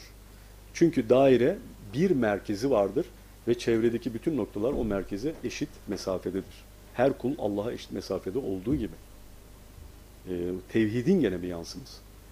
Halbuki batılı şehir planları bakın solda Roma dönemindeki Torino, İtalya'daki şehir planı sağda da modern 1800 yılında inşa edilmiş bataklık kurutularak bugünkü Amerika'nın başkenti Washington var. Yapay bir şehir. İkisinin planı ne kadar birbirine benzediğine dikkat edin. Dikeylik vardır. Çünkü küfür aynen katedral mimarisi gibi dikeylikler üzerinde, açılar üzerinde gider. Keskin açılar vardır. İnsanlar çünkü iç içe olmazlar birbirinin yüzüne bakmamaları için. Birbirinden kopuk. Çünkü insan insanın kurdudur. Latince atasözü. Bugünkü batıyı şekillendiren şey solcusu, e, sağcısı bu. Kar, Karagöz, aa ne güzel eğlencelik. Eğlencelik değil. O bir irfani sanat. Niye? Allah'ın nuru olmazsa hiçbir suret görünmez. En nur var burada. Bambaşka bir bahis. Oraya girmeyin. Suretler bakın geliyor gidiyor. Fani çünkü. Şimdi siz Karagöz oyunu böyle anlarsanız inanın tevhid üzerine çok dersler alırsınız. Esası da budur zaten. Yine minyatür sanatımızda e, Cumhuriyet döneminde gene çok kınanan. Niye kınıyor? Çünkü batılı gözüyle bakıyor. Tevhid gözünü unutmuş komada. Diyor ki ulan dağın önündeki adamla adam küçük, arkadaki padişah büyük ya. Abi sende göz mü yok, izan mı yok? Ulan yakındaki büyük olur, uzaktaki küçük olur. Sen bunu görmedin mi? Ha, öküz bizimkiler görmüyor. Bizimkiler hiçbir şey bilmiyor. Çizmeyi de bilmiyorlar. Öyle mi sanıyoruz? Bu bir tercihtir. Mesela ben de çok sesli müziği biliyorum, armoni biliyorum. Tercihim değil. Anlatabildim mi? Müslüman her şeyi bilir ama tercihi onu mümin yapar. Nefis bende yok mu? Var. Tercih etmemeye çalışıyoruz. Tercih edince tövbe ediyoruz. Gene Allah'a dönüyoruz. Tercihimiz bizi biz yapar. Burada mümin ressam, kul ressam tercihini yapıyor. Diyor ki senin zahirde gördüğün mesafeler hak katında yoktur. Niye? Der Yemeni pişimen, pişimen der Yemeni. Meşhur bir Farsça beyittir. Hatta bestelenmiştir Osmanlı müziğinde. Yani Yemen'deki yanımdadır, yanımdaki Yemen'dedir. Öyleleri vardır ki bize çok yakındırlar ama bizden aslında çok uzaktırlar. Bazıları da vardır ki bizim yanımızda değildirler ama bize çok yakındırlar. Şimdi bunun Kur'an'da, sünnette hiç benzerliğini bulmadınız mı? Resulullah Efendimiz Veysel Karani ilişkisi. Bak. Bunlar öyle havadan gelmiyor. Yakıştırma değildir bunlar. Hep sünnet ve Kur'an'a dayanan şeyler. Peki tevhid nedir? Her şeyi hak için, hak ölçüsüne göre yapmaktır. Peki ben tevhide nasıl yaslanacağım, nasıl bağlanacağım? Allahu Teala'ya, onun Resulüne ve Allah'a ve Resulüne bağlanmış silsilelere bağlanacaksın. Onların vasfettiği. Alim kimdir? Resulullah Efendimiz vasfediyor. Kur'an-ı Kerim'de vasfediliyor. Başka türlüsüne biz alim demiyoruz. Hoca diyoruz, e, profesör diyoruz. Her ilahiyatçı mesela alim mi? Değil. Hatta Diyanet İşleri Başkanı olsa bile değil. Çünkü ilmi usulüyle elde etmiş olması lazım. Usul nebevi usuldür. Medresenin de müessisi Resulullah sallallahu aleyhi ve sellem Efendimiz. Okutulan kitaplar ayrı ama usulü öyledir. Dolayısıyla sadece ilim ve irfanda değil, tasavvuf değil, sanat da öyledir. Biz sanatta ben mesela bir silsileye bağlıyım. Mevlevi, Meşk silsilesine bağlıyım. Niye? Üstadım öyle. Musikiyi ben nasıl anlıyorum? Hikmet üzerine anlarız. Biz musikiye eğlence olarak bakmayız, yapmayız. Bana şarkı söyleyin deyin, söylemem. Niye? İçimden gelmeyince söylemem. Niye? Samimiyet yok. Samimiyet olmayınca zül olur, vebal olur. Ama samimi olduğumda da beni durduramazsın hocam. Burayı dağıtırım. Programdan sonra deneriz hocam. İşte bakalım gelecek mi? Önce içimde oluşması gerekiyor bir samimiyet. Fıkra ortamında anlatılır diyorsunuz. Yani- Müzik de ortamında yapılır. musiki demdir zaten. O dem nedir? Niyettir. Niyet Evet. nedir? Sahih olması gerekir. Önce kendimize bakar. Tasihi niyet ederiz. Ben şu anda beni beğensinler diye mi okuyayım? Bu insanlar istiyorlar. Evet ikram edeyim ama çünkü Allah'ın bana verdiği bir nimet var. Onlar da onu istiyor. Benim vermem lazım. Emanet çünkü. Benim değil o mal. Hocam sesin ne güzel. Lan bana niye şükrediyorsun? Teşekkür. Allah'a şükret. Benim değil ki bu mal. Hocam çok akıllısın. Lan benim değil. Abi çok güzelsin. Lan benim değil. Benim değil ki. Biz ne diyoruz ama? Teşekkür ederim. Hocam sesiniz çok... Teşekkür ederim. Sen kendi sesini kendisi imal et. Bakın hep tevhidden uzaklığın şeyler. Halbuki mesela bundan bir 60 sene önceki musiki üstadları bu cevabı vermezler. Çünkü bilsinler veya bilmesinler o tevhidi atmosferde yetiştikleri için derler ki Allahu Teala'nın nimetidir. Bizde bir şey yok derler. Eğer varsa Allah'dandır. Evet. Ne varsa Allah'ındır. Kulun neyi var? Dolayısıyla tevhid aynı zamanda ahlaktır. Ayrı ayrı ahlak aranmaz. Ahlak da sünnet-i Resulullah'tır. Tevhid de sünnet-i Resulullah'tır. Ben tevhide nasıl bağlanacağım? Resulullah örnekliğini bilmeden bilemez. Niye? Güzel de o. Değil mi? Tefekkür eden de o. Hikmet sahibi de o. Bunlar ayette tescillenmiş şeylerdir. Örnek odur. Hocam bize bir değerler kitabı yazın da değerler eğitimi falan böyle saçmalıklar var. Batı'dan aparılan şeyler. Bitmedi abi. Kemalistler tercüme etti, çaldılar, yayınladılar. Şimdi İslamcılara sıra geldi. Daha beterini yapıyorlar. Daha da beterini yapıyorlar. Bu arada dini de satıyorlar arada maalesef. Şuursuzluk artık başka bir boyutta. Peki hızlıca o zaman tevhidin ilkeleri ne? Yani medeniyete neler yansıyor hocam? İlkeleri ne? Bakın bunların hepsi tevhidin ilkeleri. Teker teker bakalım vaktimiz az. Güzellik. Allah her şeyi güzel yaratmıştır. İnna Allahe cemilun yuhibbül cemal. Allah güzeldir, güzeli sever. O zaman Müslüman nasıl olsun? İşiyle, fikriyle, zikriyle, insanlara muamelesiyle, kıyafetiyle, somut ve soyut şekilde güzel olması gerekir. Tevhidin bir gereğidir bu. Kötü konuşamaz. Türkçen yamuk yumuk olamaz. Kürtçe mi ana dilim? Kürtçen de yamuk yumuk olamaz. İngilizce mi öğren? Güzelini konuşacaksın. Hocam o İngilizce, ee, İngilizce ilahi bir şey değil mi? İngilizleri kim yarattı? Bakın bu hep kafes, köy mantığı bu. Bizim köyden değil. Ne yapayım o adamı? Dindar bile addetmezler. Kendi köylerinden olmayan değil mi? Hani Lazı diyor ya, ezan okunuyor. Nereden okuyorlar bunu? Yan köyden. Şimdi okunuyor. Bu nereden okuyorlar bunu? Bizim köy. Aziz Allah eşhedem. Yani tevhid yok, birlik yok. Da dağınıklık var. Bakın Osmanlı mezar, çekinilen bir objeyi bile ne kadar güzel yapıyor. Mezarı ya, yapsam ne olur, yapma. Adam ölmüş zaten. Solda da Cumhuriyet dönemin muhteşem estetik bir eseri var. Türkçe rezalet, harfler rezalet. Dikdörtgen mezar ben dünyada bir tek bizde gördüm abi. Çünkü asri mezarlıklar var. O da bizde var sadece. İngilizce tercüme et.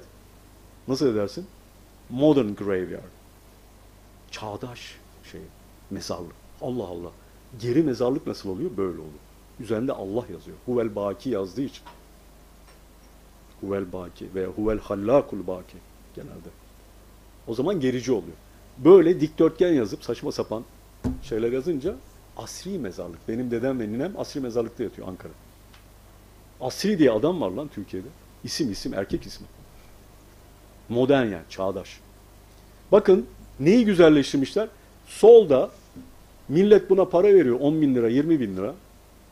Çerçeveletip abi ona da başka bir para. Asıyoruz odamızı. Lan sen neye astın oraya? Astığın şey ne biliyor musun? Sağdakinin aynısı. Mesela Milli Eğitim Bakanlığı'nın resmi bir yazısı. Sağdakine bak, soldakine bak. Soldaki bir sanat eseri. Niye? Yaptığı her şeyi güzel yapacak. Koyduğu her şeyi yerli yerince koyacak. Ölçü düzen. Hızlı geçiyorum. Bunu bu gibi küfi mesela istiflerden tutun ölçü. Müslümanlar geometri, trigonometri, bunlar, logaritma bunların hepsinde üstaddırlar. O zaman boş boş konuşma. Süleymaniye matematiği bilmeyen, trigonometri, geometri bilmeyen birisi yapamaz. Biz bu eserlere sadece sanat eseri olarak bakmayın. Onlar bilim eseridir. Ben Süleymaniye üzerine makale yazdım. Süleymaniye Camii'nin müziği üzerine, mimari ve müzik ilişkisi üzerine. 21 tane ilim saydım. Süleymaniye Camii yapılamaz. Bu 21 ilim bilinmeden. Bu kendi küçük zihnimle saydım. Ölçü. Çünkü kulluk ölçülü olan şey. Allah'a göre ölçü. Bakın hat sanatı, bak ölçü. Noktalar. Her şey ölçü. Bugün bizde ölçü var mı? Benim gibi bıdı bıdı konuşursun. Bir saati doldurduk. Daha sonuna gelemedik. Demek ki ölçüyü kaçırdık. Şiir, aruz, hece. Bunlar niye var? Ben mesela benim divanım var. Aruz ile şiir kolayca yazarım, söylerim. E neden? Ya, içine girdiğin her denizin balığı olursun. Hocam aruz çok zor. E dışında kalırsan zor olur. Bir içine gel. Gel baba. Önce muhabbetle gelinir. Köprü muhabbetle kurulur. Bunda bir mana var. Ben gireyim alayım bunları ya. Dediğin zaman ona girmeye başlarsın. Oradaki işleri. Yine musikimizin de temeli usuldür. Bakın bu kavramlar boşuna değil. Asıl kelimesinin çoğuludur usul. Demek ki müziğimiz de ölçüdür. Usulsüz usul olmaz çünkü. Biz eserleri kafamıza göre okumuyoruz. Usullere göre okuyoruz. Doğallık, samimiyet başka bir tevhid ilkesi. Mümin tabii olur. Yapmacık olmaz, ikircikli olmaz, münafık gibi davranmaz. Öyleymiş de böyleymiş gibi yapmaz. En çok şikayet ettiğim şey esnafta da var, siyasetçisinde de var, ticaretçisinde de var, sanatçısında da var. Mesela tabiatı Çin'e yansıtabilir. İslam'da resim yasağı var. İslam'da resim yasağı yok. İslam'da tasvir yasağı var. Sureti çoğaltma yasağı var. Kopyasını yapma yasağı var. Temsil sonsuz. Temsil ayrı bir şey, Tasvir ayrı bir şey. Anladınız mı? Bugün mesela Batı resmi ne üzerine çalışıyor? Temsil üzerine çalışıyor. Tasviri bıraktı. Aa Mona Lisa'nın aynısını yapmış ya. Kadının aynısı ya. Bu artık marifet değil. Aynısını yapmak. Kendi iç dünyasını ne kadar yansıtabiliyor? Soyutu nasıl somuta çeviriyor? Ee, hani kendimizden örnek almıyorsak biraz onlardan örnek alalım. Artık o hallere düştük. Yine Ebru doğal malzemelerle yapılıyor. Bunların hepsinde bir şey var. Yine bizim müziğimizde bu örnekle anlatıyorum. Batı müziği bu alttaki suni çim gibidir. Sesler tasfiye edilmiştir. Rönesans döneminde. Onların da yoksa sesleri bizimkiler gibi doğal ses diyoruz. Batı müziğindeki seslere doğal olmayan sesler denir. Terimi budur müzikolojide. Niye? Müdahale etmişler. Yani Allahu Teala'nın yaratışına müdahale eder. Sadece müzikte etmiyor. Felsefede de ediyor. Kendini Tanrı yerine koyuyor. Romanda da eder. Kendini Tanrı yerine koyar. Sanatta da ediyor. Tevazu çok önemli. Mesela Fuzuli. Bugün İngiliz şairi William Shakespeare. Adamın adı William, soyadı Shakespeare. Onun mahlası var mı? Yok. Bizim şiirde mahlas var. Fakirinki de Zerevşan. Biraz zengin koyalım dedik. Emekli memur olduğumuz için bari ismimiz zengin olsun diye. Altın saçan demek. Ama bizim soyumuz Zerevşanzade. Oradan geldi. Soyadımız Barkçın değil yani. Dangalak nüfus memurunun saçmalaması. Çoğunuzun olduğu gibi. Evet. Tabii. Ee, Fuzuli diyor adam kendine. İsmini merak edip araştırman lazım. Kendini geriye çekiyor. Hatta çoğu kere çok mütevazı huzur gibi mesela hem fazilet anlamında ama aynı zamanda abes. Yani ben söylüyorum ama benim sözümde bir şey yok. Bu işte tevazu, fakir hali. Zaten kendisi büyük bir mutasavvıftır. Biz o yüzden Fuzuli demeyiz. Hazreti Fuzuli deriz. Hikmettir onu söyledi. Her şey hikmet. Mimar Sinan. Bu kadar büyük eserler yapmış adam. Vallahi bu mezarda yatıyor. Yani padişaha, ölen karısına, kızına, damadına eşek gibi türbe dikmeyi biliyor adam. Kendine de kendisi yapmıştır burayı. Süleymaniye'nin hemen alt sokağında giden var mı? Gidelim bir Fatih okuyalım. Yalnız öndeki Sebil'de okumayalım. Geçen iki sene önce gittim. Bizim Türkler abi Sebil'in önünde toplaşmışlar. Şu kubbeli ya. Onu türbe san... Ulan oraya zaten hangi adam sığar yani? Dikine mi gömdüler bu adamı? Ya hiç akıl fikir yok abi. Gördüğünde akletmiyor. Göz de akletmiyor. Yani kafayı bırak. Dedim ki Allah kabul etsin. Babalar dedim. Kim dedim bu adam ya? Ya Mimar Sinan'ın dediler burası türbesiymiş. La dedim orası değil adam açıkta yatıyor. Bak bak gel şu kafesin açık açık adam. Kendine açık mezar yaptırıyor adam. Hocam özür dilerim. Tabii. Yeri geldi bir küçük parantez Lütfen. açabilir miyim? Ben yıllar önce bir yerde okumuştum. Ee, Mimar Sinan tevazu bahsiyle ilgili. Ee, şöyle bir cümlesi vardı. Kefere-i fecerenin üdeba geçinenleri Ayasofya'dan üstte kubbe olmaz demişler. Bu sözler bu fakirin kalbinde yer etmiştir. Anın çündür ki Süleymaniye'nin kubbesini üç arşın ziyade eyledik. Bu fakir derken ben sigasını kullanıyor. Üç arşın daha büyük yaptık derken biz sigasını kullanıyor. Çünkü müyesser kılan haktır. Evet yani biz bunlara biraz bu nazarla bakınca burada büyük bir tevhid örneği görüyoruz. Yani ben de adam olayım ama mütevazı olayım canım. Yani kabararak adamlık olmuyor ona. Balonlaşma deniliyor. Çabuk patlarsın. Balon hacmi büyüktür ama çeperi çok küçüktür. Yine hat sanatçılarında bakın Necmettin Hoca'nın rahmetli mearifsiz millet yaşamaz. Altına imzasına satıyor. Ketebehu Necmettin gafara lehu. Allah affetsin bunu Necmettin yaz. Necmettin abi niye Allah affetsin? Ne güzel yazmışsın. Niye öyle diyor? Hattatlar hep öyle der. Çünkü hakiki cemal, güzellik Allah'a aittir. Kulun yaptığı her şey eksiktir. Buradan bir edep almayalım mı? Burada sünneti görüyor musunuz? Kur'an'ı görüyor musunuz? Biraz bunu görmeye alışalım. Ama onu görmek için Kur'an ve sünneti bilmek lazım. Tabii. Öbür türlü bilemeyiz. Bakın bu da batılı meşhur ressam Salvador Dali. Geçen yıl e, BBC'de bununla ilgili bir şey seyrettim, e, belgesel. Hanım bir talebesi anlatıyor. Bizi diyor evine çağırırdı talebelerini diyor. Girer girmez dört ayak olmamızı istiyordu diyor. Kadınların erkeklerin üzerine binermiş abi. Bunlar eşek gibi onu taşırlarmış evin içinde. Kadın anlatıyor, gururla anlatıyor. Nerede Allah affetsin bunu ben yazdım diyen adam, çünkü o mümin, tevhid ehli, her şeyi Allah'a bağlar. Her şey hak ölçüsüyle olur. Resulullah Efendimiz mütevazıydı, sen de mütevazı olacaksın. Kibirli bir Müslüman olur mu? Herhalde mümine en uzak vasıf olması lazım. Ama tevazu, çakma tevazuyla da kibir serdeden çoktur. En başta FETÖ. Hüngür hüngür ağlıyordu. Ben diyordum niye ağladığını bir sorun hele. O adam ağlıyor da bir şeye ağlıyor. evet. Peki hızla gidelim. Solda Sultan Abdülaziz merhum. Abi hademe kıyafeti gibi. Bak dikkat edin bu adam fotoğraf poz veriyor. Fotoğrafı dağıtılacak bunun resmi e, makamlara. Adam abi üzerinde nişan var mı yok, sırma var mı yok. Niye böyle yapıyor? Fesi düz fes. Bu adamda ne var abi? Şişman bir adam.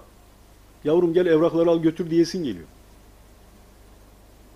Bak ona koymuyor. Şah şah deddede olma. Hayır koymuyor. Padişahı böyle yetiştirilmiş. Evet. Osmanlı'ya efendim e, klişele... Vallahi ben de klişeleştirmem. Ben sevmem zaten e, klişeleştirmeleri. Muhafazakar değilim. Ecdatçı hiç değilim. Hak üzerine bakarım. Hak ölçüsü. Vallahi hak ölçüsü burada abi. Al. Olmayan da var ama olan var. Sağdaki de bu halılara falan bürünmüş abimiz perdelik kumaş. O da e, Avusturya İmparatoru. Aynı dönemi. Özellikle aynı dönemden. Üçüncü, üçüncü Ferdinand galiba. Bakın Abdülhamid'in yatak odası. Yıldız Sarayı'nın. Ne kadar sade.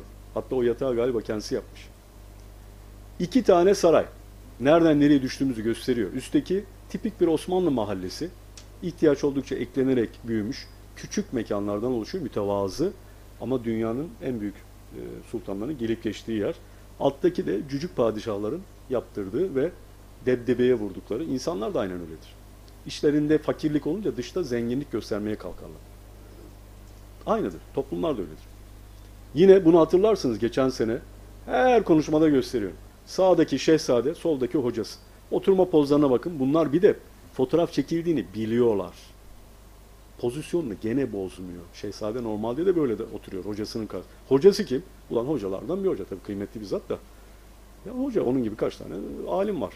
Sağdaki Abdülaziz'in oğlu rahmetli genç yaşta vefat etmiş Şevket Efendi. Oturuşuna bakın abi. Güç sağda, ilim solda. Hiç bilenlerle bilmeyenler bir olur mu?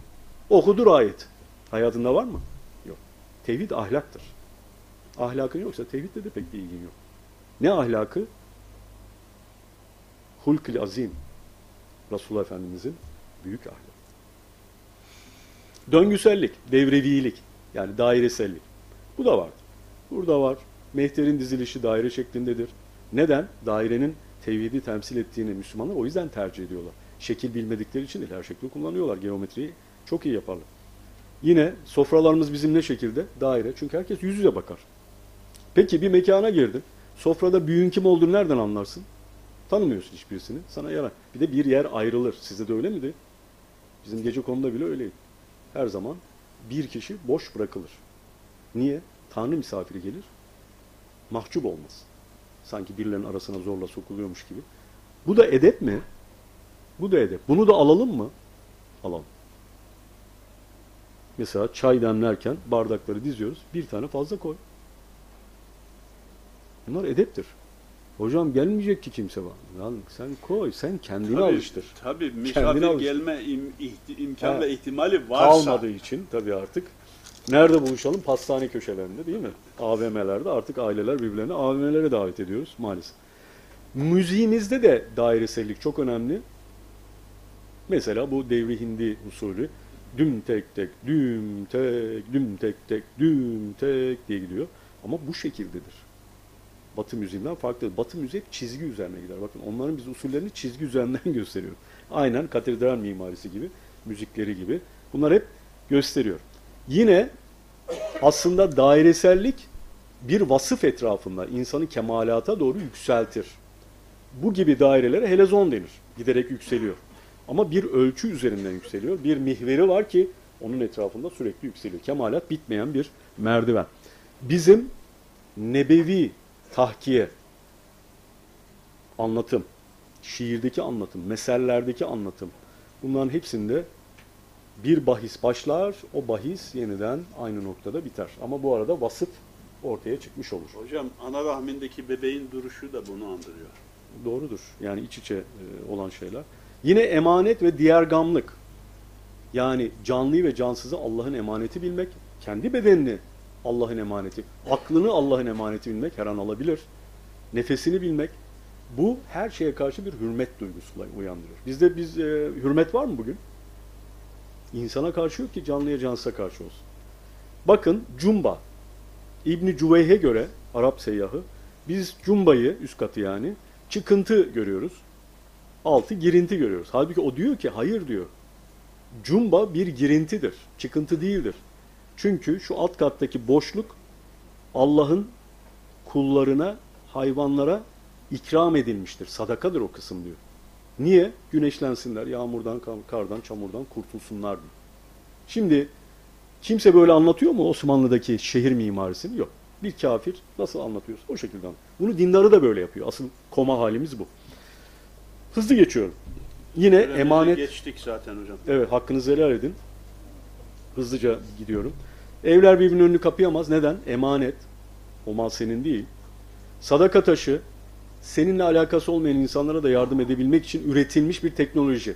Elinizdeki iPhone değil sadece dünyadaki tek teknoloji. Bu da bir teknolojidir. Bak bir hayırsever adamın aklına da hayır çoğaltmak geliyor. iPhone gibi milleti yutmek değil, istirap, istihbarat örgütlerinin eline atmak değil. Yine Cengiz abinin, Cengiz Kallek abimin muhteşem makalesi. Geçen sene gene şey yaptım. Resulullah Efendimizin sünnetine dayanıyor.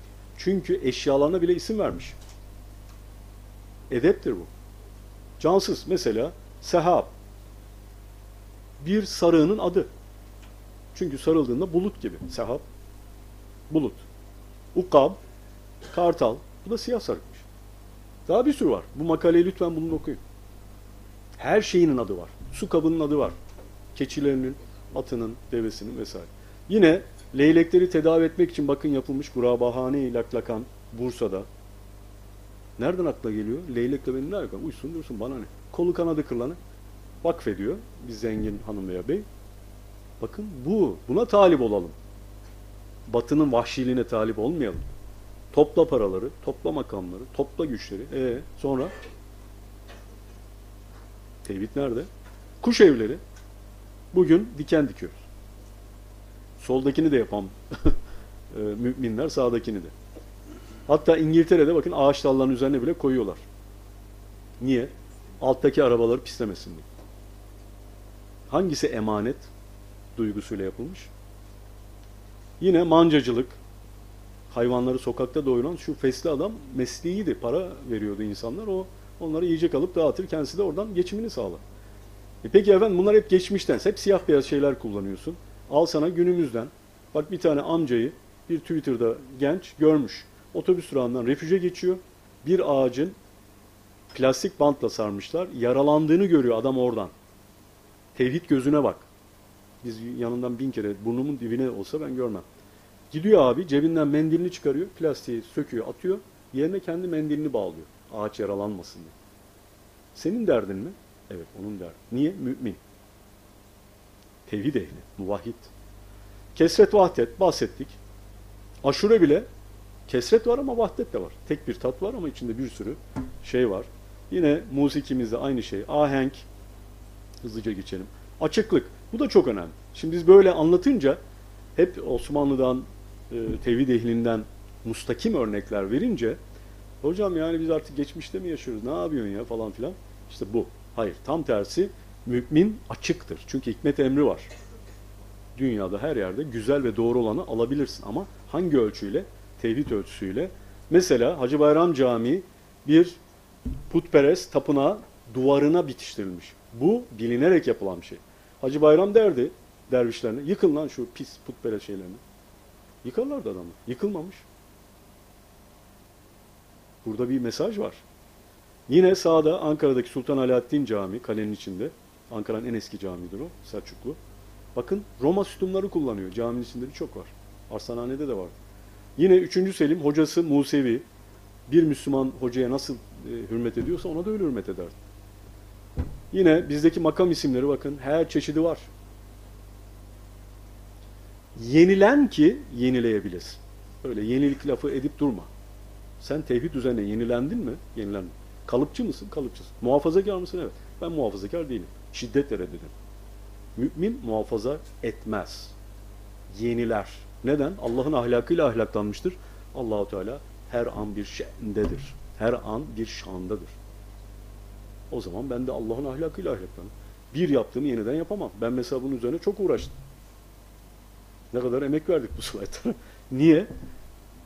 İmge arıyorum. Yani aklımdakini nasıl aktarabilirim? Yeni yeni. Ben bu konuları daha önce de anlatıyorum ama yeni yeni şeyler var. Mesela soldaki klasik bir Ebru. Aynısını yap dur. Evet. Başlangıç için çok önemli. Fakat sağdaki yeniliyor. Kötü mü sağdaki? Güzel değil mi? Tamam. Bitmiştir. Tam tersi Müslüman çok özgürdür, çok açıktır. Kalıpçı olamaz. Yine burada bir şey yaptık. Pardon. Bir şeyler gitti. Gel abi. Şeyden çıktım. Son şeye geliyorum abi. Kusura bakmayın sabrınızı zorluyorum. Ee, Allah razı olsun. Sadaka taşını diğer gamlığın örneği Eyüp Sultan Belediyesi Eyüp Camii'nin önündeki meydana bu şekilde yapmış. Asma kilit takıyor adam ne yapsın? Kumbara gibi yapmış. Ne yapsın abi? Hiç düşündünüz mü? Sadaka taşında alma ve verme serbest. Yani bir hırsız rahatlıkla gelip oradaki toplar götürür abi. Neyi gösteriyor bize? Sadaka taşının icat edildiği dönemle ilgili, toplumla ilgili bir şey söylüyor. İnsanlar namuslu. Genel anlamda dürüstler. Hırsız yok mu? Var tabii. Hatta alan ihtiyaç sahibi Heh. de ihtiyacından fazlasını almıyor. Almıyor. Evet. Bugün ne yapmak zorundasın? Ha, bugün bak halimizi sorarsanız iki asırlık halimiz bu. Kumbaralı sadaka taşı. E ne yapsın adam? Ha, taşı da alıp götürürler. Onu da zaten herhalde yapıştırmışlar. Peki sadaka taşının kopyasını yapmak marifet mi? Yenilemiş mi? Hayır. Çünkü yenilenmemiş. Tevhidden uzağız. Halbuki Sabahattin Zaim'de ders veriyorum aynı zamanda. Bakın bizim kantinde çocukların girişimiyle "Ka- bendensin kardeşim diye bir şey yapmışlar. Kantine gidiyorsun. Kasanın yanında bu duruyor. Sen aldığı alacağını alıyorsun. Sonra diyorsun ki, ya belki parası olmayan bir arkadaşım vardır.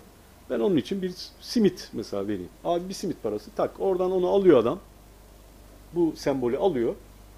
Oraya koyuyor. Herhangi birisi gelip istediği zaman tak diye oradan veriyor. Askı. Aşkı da Modern askı. Evet. Yani elektronik vesaire sonsuz kombinasyonları var. Biraz şu kafayı çalıştıralım. Yani bu ecdatçılık, kalıpçılık, muhafazakarlık bizi berbat ediyor. Tevhidden çok uzaklaştırıyor.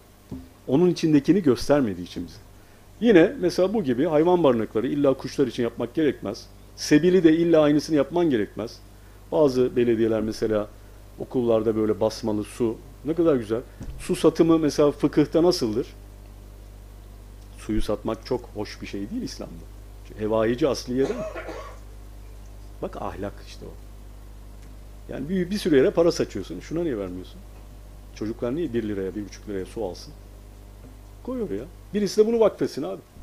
Herkes ona buna vakıf parası yağdırıyor. Ula bir de buna vakfedin. Ama tevhidle alakası olsa fıkıhtan da haberi olacak. O alana yoğunlaşır. Anlatabiliyor muyum? O da yok.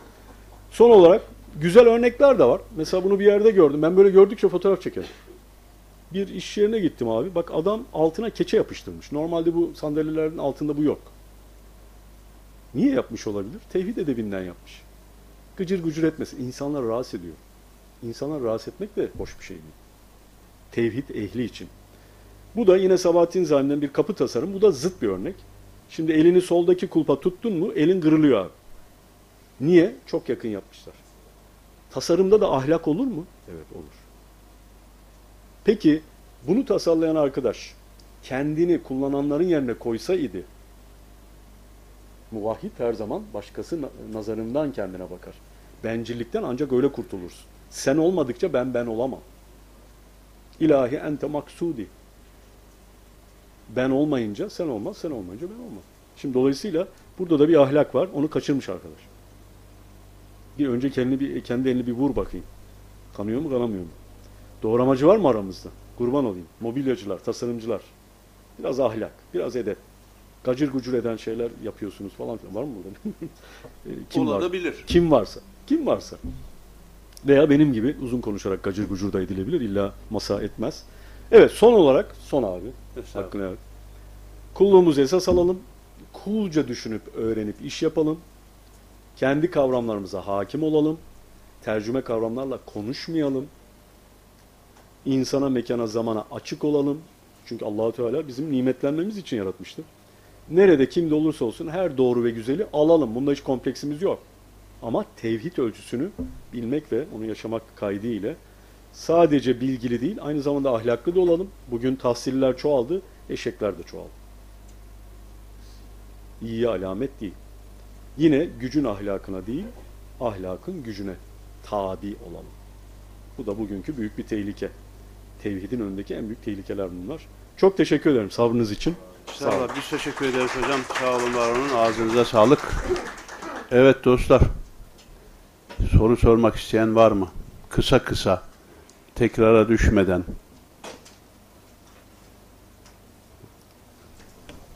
Yok mu? Biz, bizim eğitimcilerin bir tespiti var hocam bilirsiniz. Eğer soru yoksa ya hiç anlaşılmamıştır ya da çok iyi anlaşılmıştır. Hangisi? Anlayanlar anlamayanları anlasın abi. Milletin vakti. Evet. Eyvallah. Allah razı olsun. Oradan bir soru çıktı. Tebrik ederiz, teşekkür ederiz. Merhabalar. İbretin tanımı ile ilgili e, ufak bir giriş yapabilir misiniz? Neyi? İbret. İbret. Hikmetin bir parçası ibrettir. Hep söylerim. Mümin müminden örnek alır, kafirden ibret alır. Bunlar aynı şey değildir. Benim e, doktora tezim Batı felsefesi eleştirisi. E, ibret aldım, evet. Ama hiçbirisini örnek almam. Küfür örnek alınmaz. Kimi örnek alırım? İmam Gazali'yi alırım. Kimi alırım? Kapı komşum Nuri abi alırım. Güzelliklerini. O örnek olur. Çünkü hidayetin üzerine her şey inşa edilir. Biz bu hidayeti boş bir şey sanıyoruz. Yani böyle piyangodan çıkmış bir şey sanıyoruz. Her şey olur. Allah'ı bilmeyen hiçbir şey bilemez ki. Kendini kurtaramayan seni mi kurtaracak? O yüzden felsefe kaybolmuşların düşüncesidir. Hikmet bulmuşların düşüncesidir. O yüzden biz hakikat üzerine düşünmeyiz. Çünkü biz hak olana zaten bağlanmışım.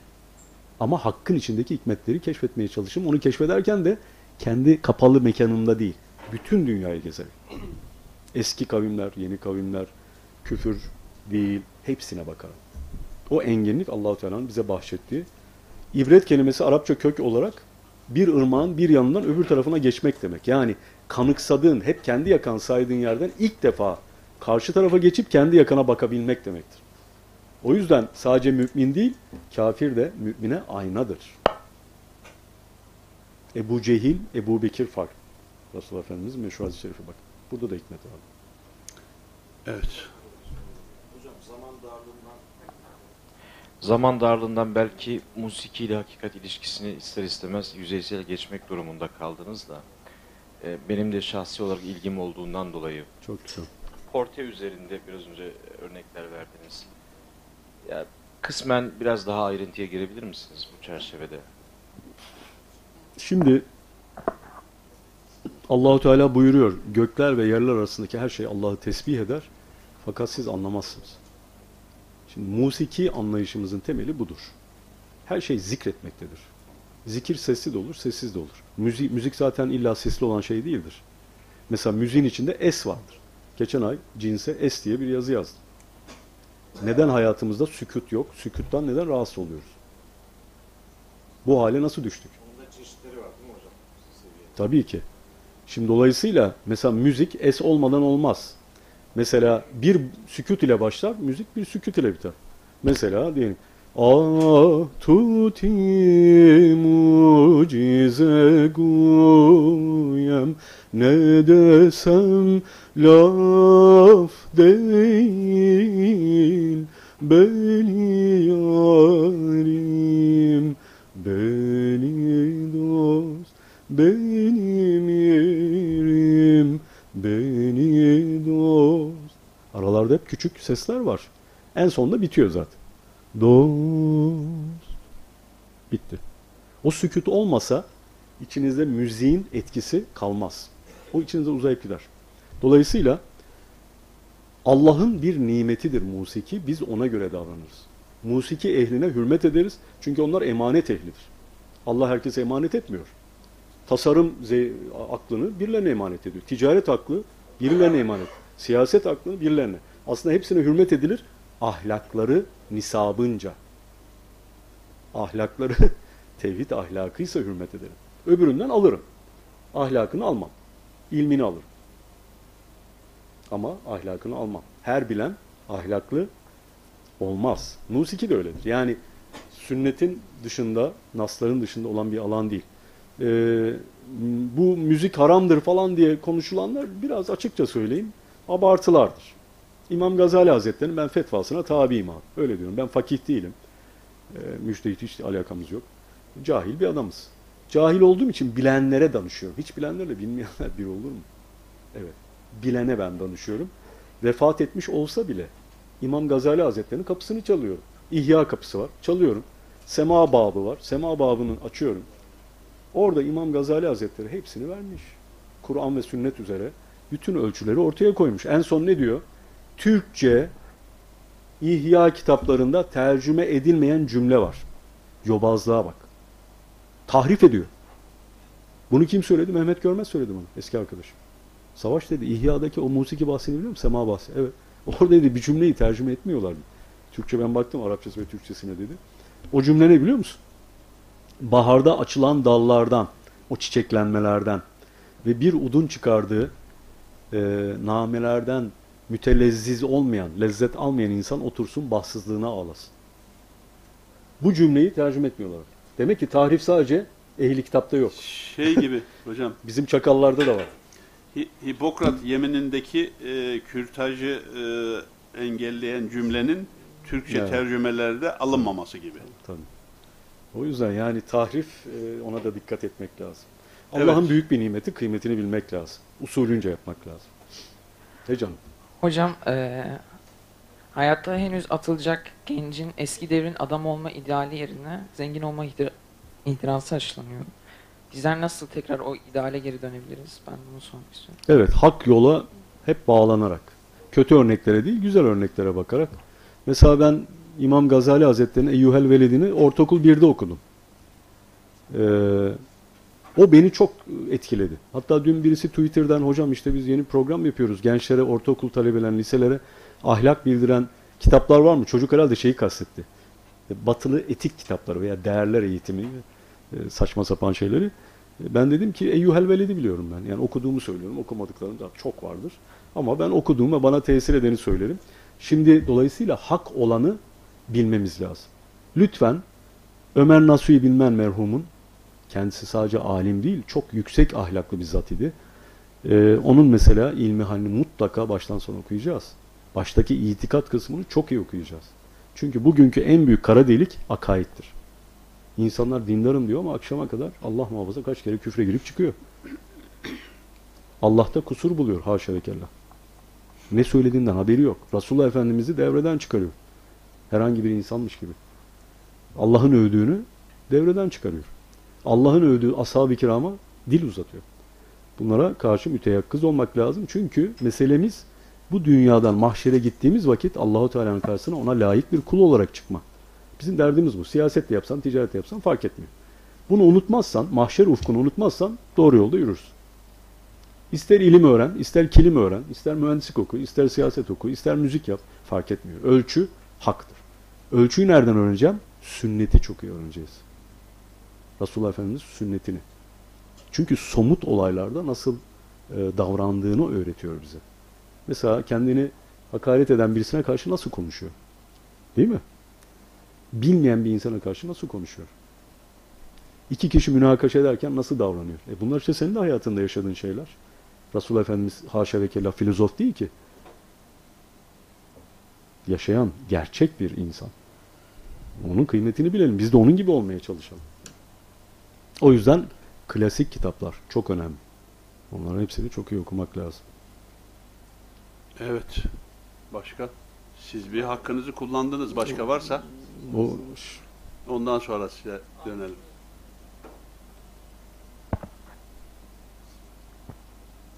Söyleşinin başında ya ben kaçırdım İbn Haldun'la alakalı felsefeyi, Avrupa'ya felsefeyi yanlış olarak aldı gibi bir şey mi söylediniz? İbn Sina. İbn Sina özür dilerim. Onu biraz aşma şansınız var? Müslümanların kompleks e, devirlerinin ilkidir bana göre. Ve zaten vardıkları yerde onu gösteriyor. Çünkü hakikati spekülatif bir alan olarak görüyorlar. Yani hakikat üzerinde e, tartışılacak bir şey. Hakikat bağlanılacak bir şey. Hakikatin tecelliyatı, veçheleri, dünyadaki, alemdeki, insandaki yansımaları tefekkür konusudur. Sen Allah'ı bulmuşsun zaten. Allah-u Teala'nın ismi ne? El Hak. Yani hakikat. O yüzden Bektaşi nefesten de geçer. Gerçek demine hü. Bu gerçek ne? Realite değil. Allah. Çünkü Allah'ın ismidir gerçek. Gerçek Allah'tır. Dolayısıyla o gerçekle iktifa etmeyip küfrün güya gerçeği arama, halbuki nefsani bir seyahattir. Ee, yoluna talip olduklarından dolayı çoğu zaten zıvanadan çıktı. Birinci ama onların bugünkülerden son iki asırda ortaya çıkan e, diğer sa- sapıtanlardan farkı şu. Onlar alimdiler. Ben onlara e, kompleksleri yüzünden bunu söylüyorum ama onlar bugünkülere bakınca bir kere alim adamlar. Çünkü ilmi usulüyle okumuşlar. Kur'an'ı ve bütün şer'i ilimleri çok iyi biliyorlar. Ama tercihleri yamuluyor. İşte kıdem var mıydı yok muydu meşhur me- mevzular vardı. Onlar gerçekten de batıl şeylerdir. Ben tabii ki şu anda herhangi bir şey söylemiyorum. Ee, iman ehli olarak kabul ederiz. Ama e, o yanlışlıkları kritik yanlışlıklardır.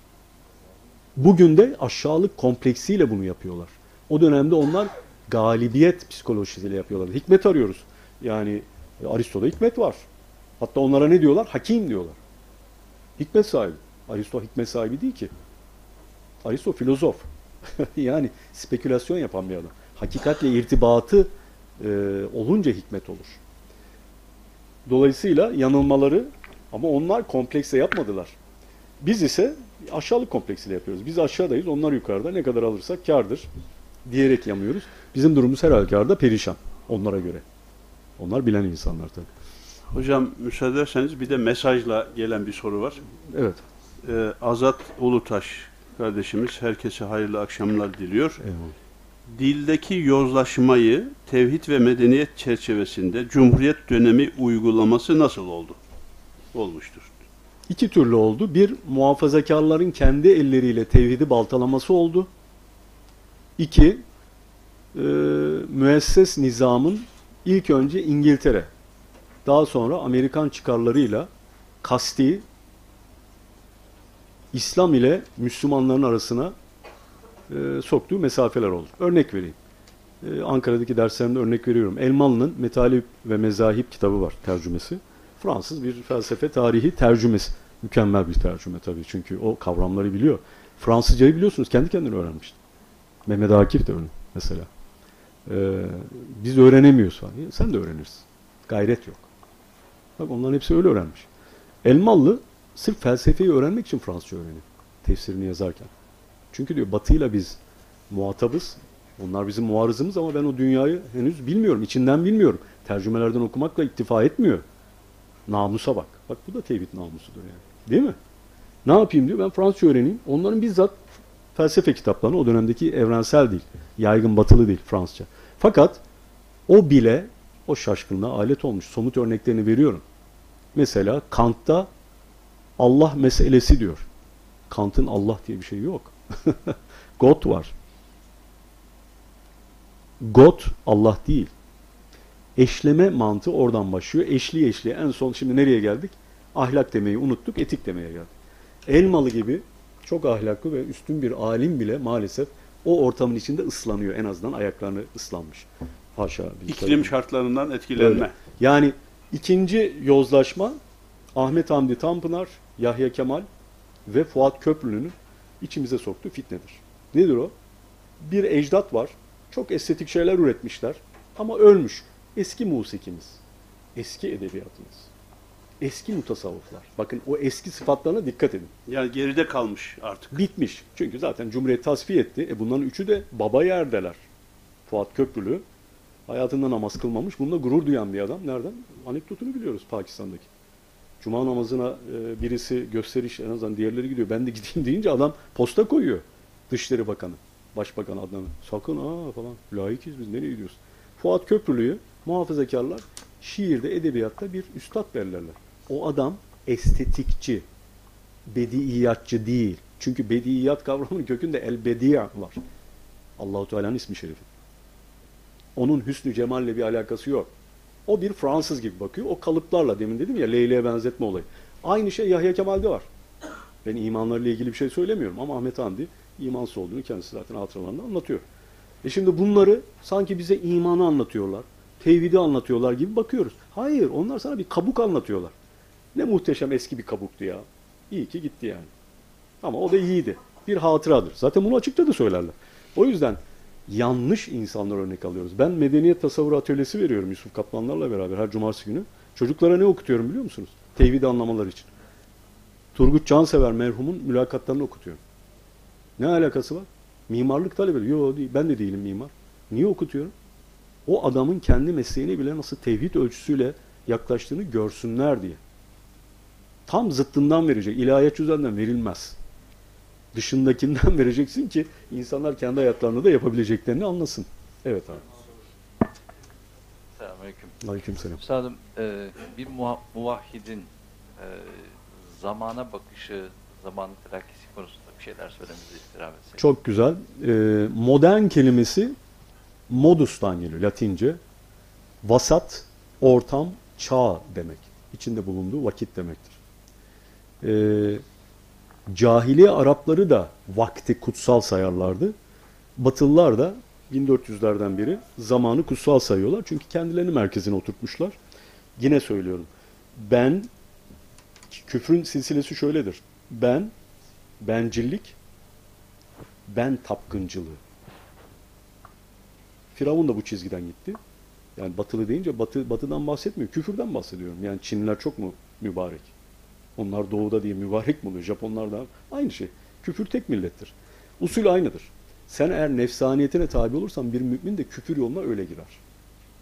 Ben, benlik, bencillik, ben tapkınlığı.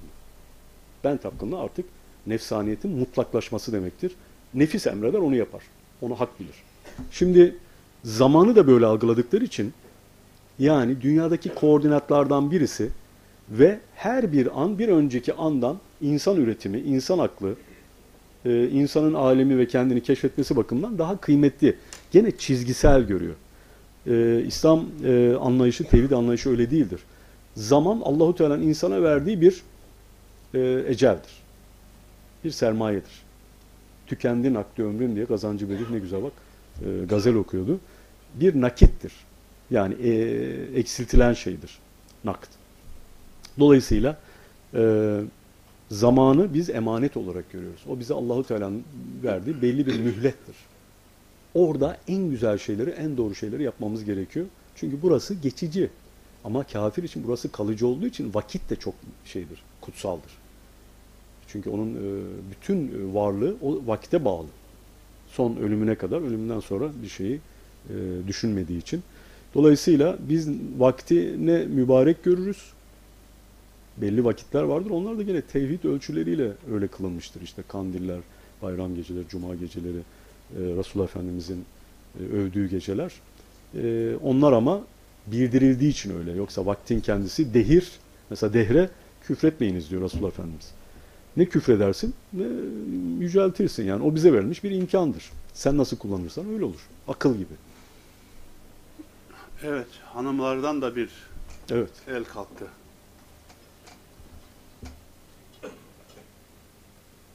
Ee, iyi akşamlar. İyi akşamlar. Şimdi e, siz bana Hayırlı akşamlar diyoruz. Hocamın ikazı üzerine. Ben öyle bir şey demedim. Hayır, Düzeltiyorum. Ben, Hayırlı ben akşamlar. hüküm çıkarıyorum kendime göre hocam. Abi o hükümleri neyse bir tartışalım Peki, seninle. eyvallah. Tabii hayır e, güzel ama iyi demektir zaten. İyi de güzel. Ha, o da iyi. Espri yaptım, buyurun. Evet evet. şimdi tevhid kelimesi üzerine duracağım. Hak ve batılı ayıran bir kavram tevhid. Ben böyle anladım anlattıklarınızdan. Tabii.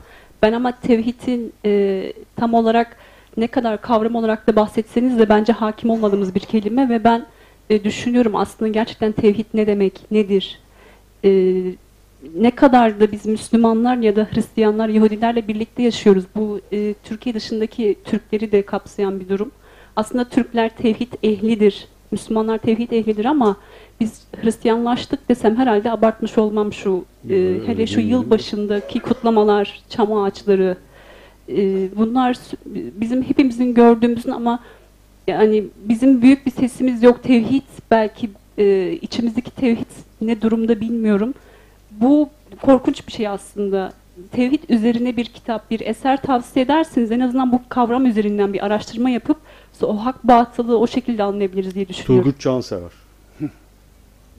Turgut Cansever'in e, Kubbeyi Yere Koymamak diye bir kitabı var. Mülakatlarından oluşuyor. O mesela Beyi çok yere koymamak. güzel. Evet. Güzel.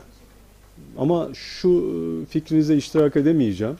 Şimdi bu olumsuz bakış, e, menfi bakış lütfen şevkimizi kırmasın. Ben her gün şevkle kalkarım.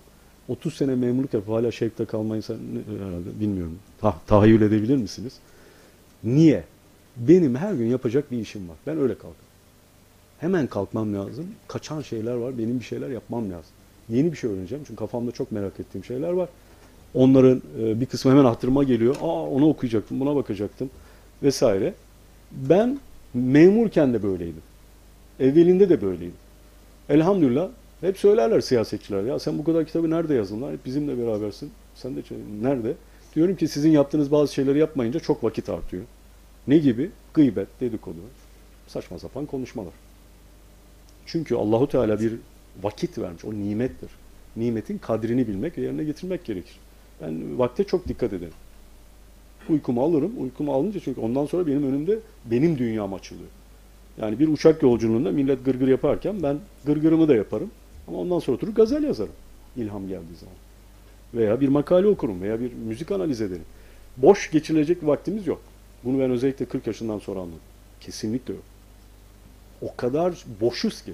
Kendimi en başa koyuyorum. Evet. Konuştuğumuza bakmayın. Yani Mevlana Hazretleri ne diyor? Boş teneke daha çok çınlar. Dolu teneke çınlamaz. Şimdi dolayısıyla tevhidi de lütfen ben size daha vahim bir şey söyleyeyim. Çam dikmekten daha vahim işler var bugün Türkiye'de. Keşke sadece çam diksek. Hakkı batıl, batılı hak belliyoruz. Bize uymaz diyoruz. O başkalarına diyoruz. Bize caiz diyoruz. Çok. Ticarette de öyle, siyasette de öyle. Bu çok daha tehlikeli ve itikadı bozucu bir şey. Ben asıl sizin nesillerin itikat konusunda çok dikkatli olmasını istiyorum. Çünkü bizim ana babalarımız allame değildiler. Babamın benim okuma yazması bile kendi kendine okula gitmemiş bir adam. Şoför. Ama hak ve batılı ayırt edebiliyorlar. Haram ve helali biliyorlar. Birbirlerine karıştırmıyorlardı. Bize de öyle terbiye verdiler. Allah razı olsun. Çin Çin gibi bir yerden biz öyle çıktık.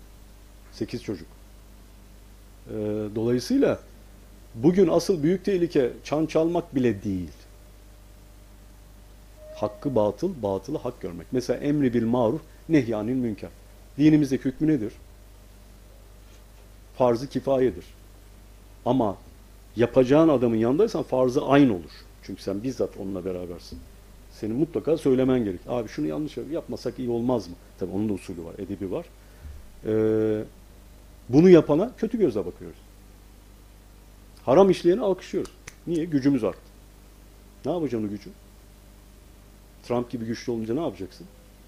Fransızlar gibi sömürgeci olunca ne yapacaksın? Kıymeti var mı? Senin farkın ne?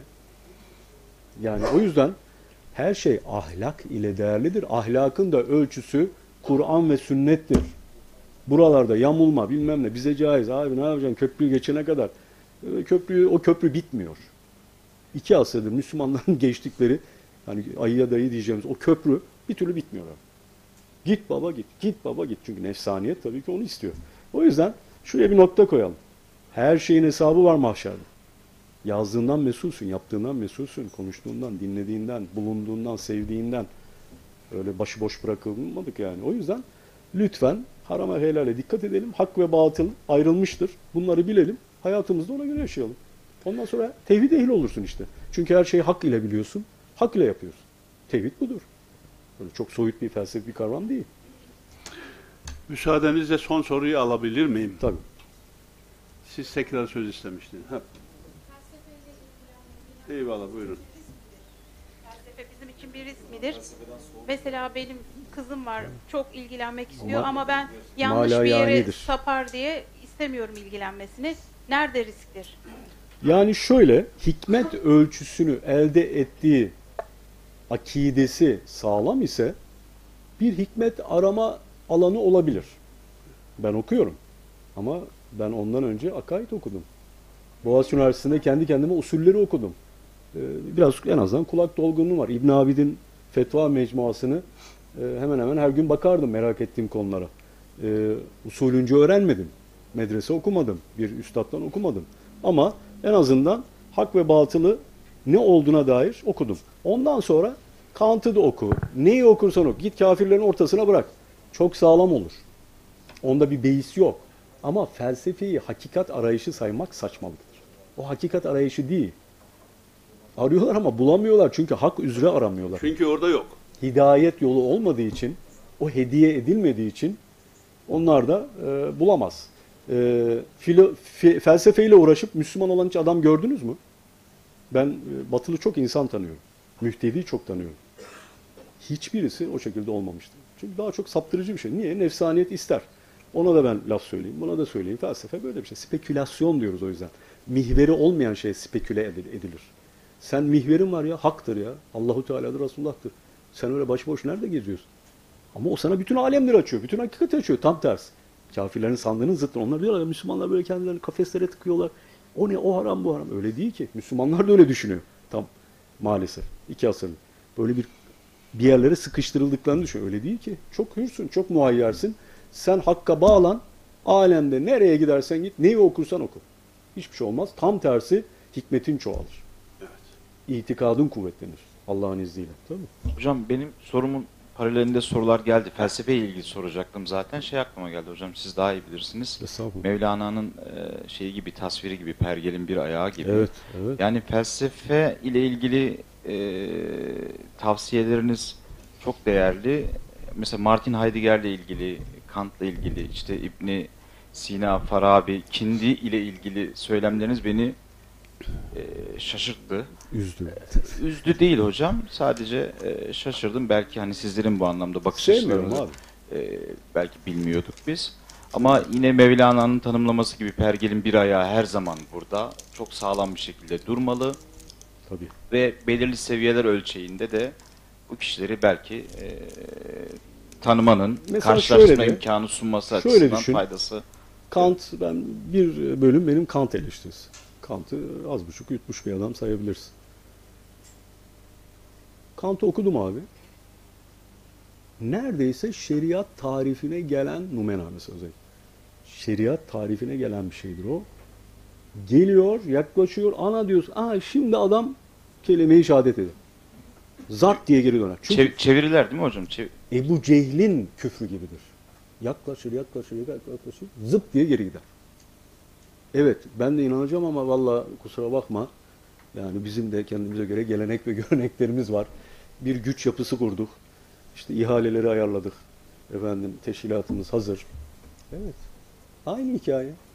Aynı hikaye. Şimdi ben şuna çok kızıyorum. Adam daha akaid okumamış. Bir nesefi akaid okulan 20 sayfalar. Yazık be. Daha Allah'ı tanımıyorsun sen. Allah diyorsun, Allah'ı tanımıyorsun. Allah'ı bir isim sanıyorsun. Allah varlıktır. Senin dostundur, arkadaşındır.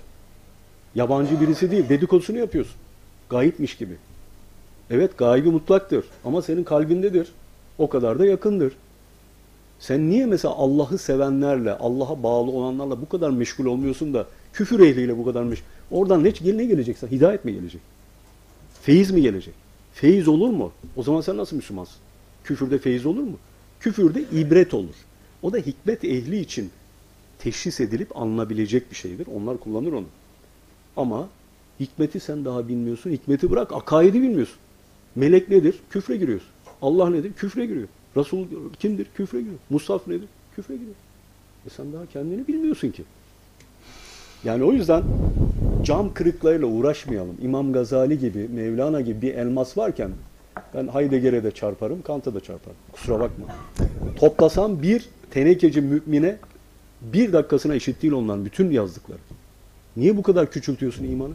Sana demiyorum, bizler yani.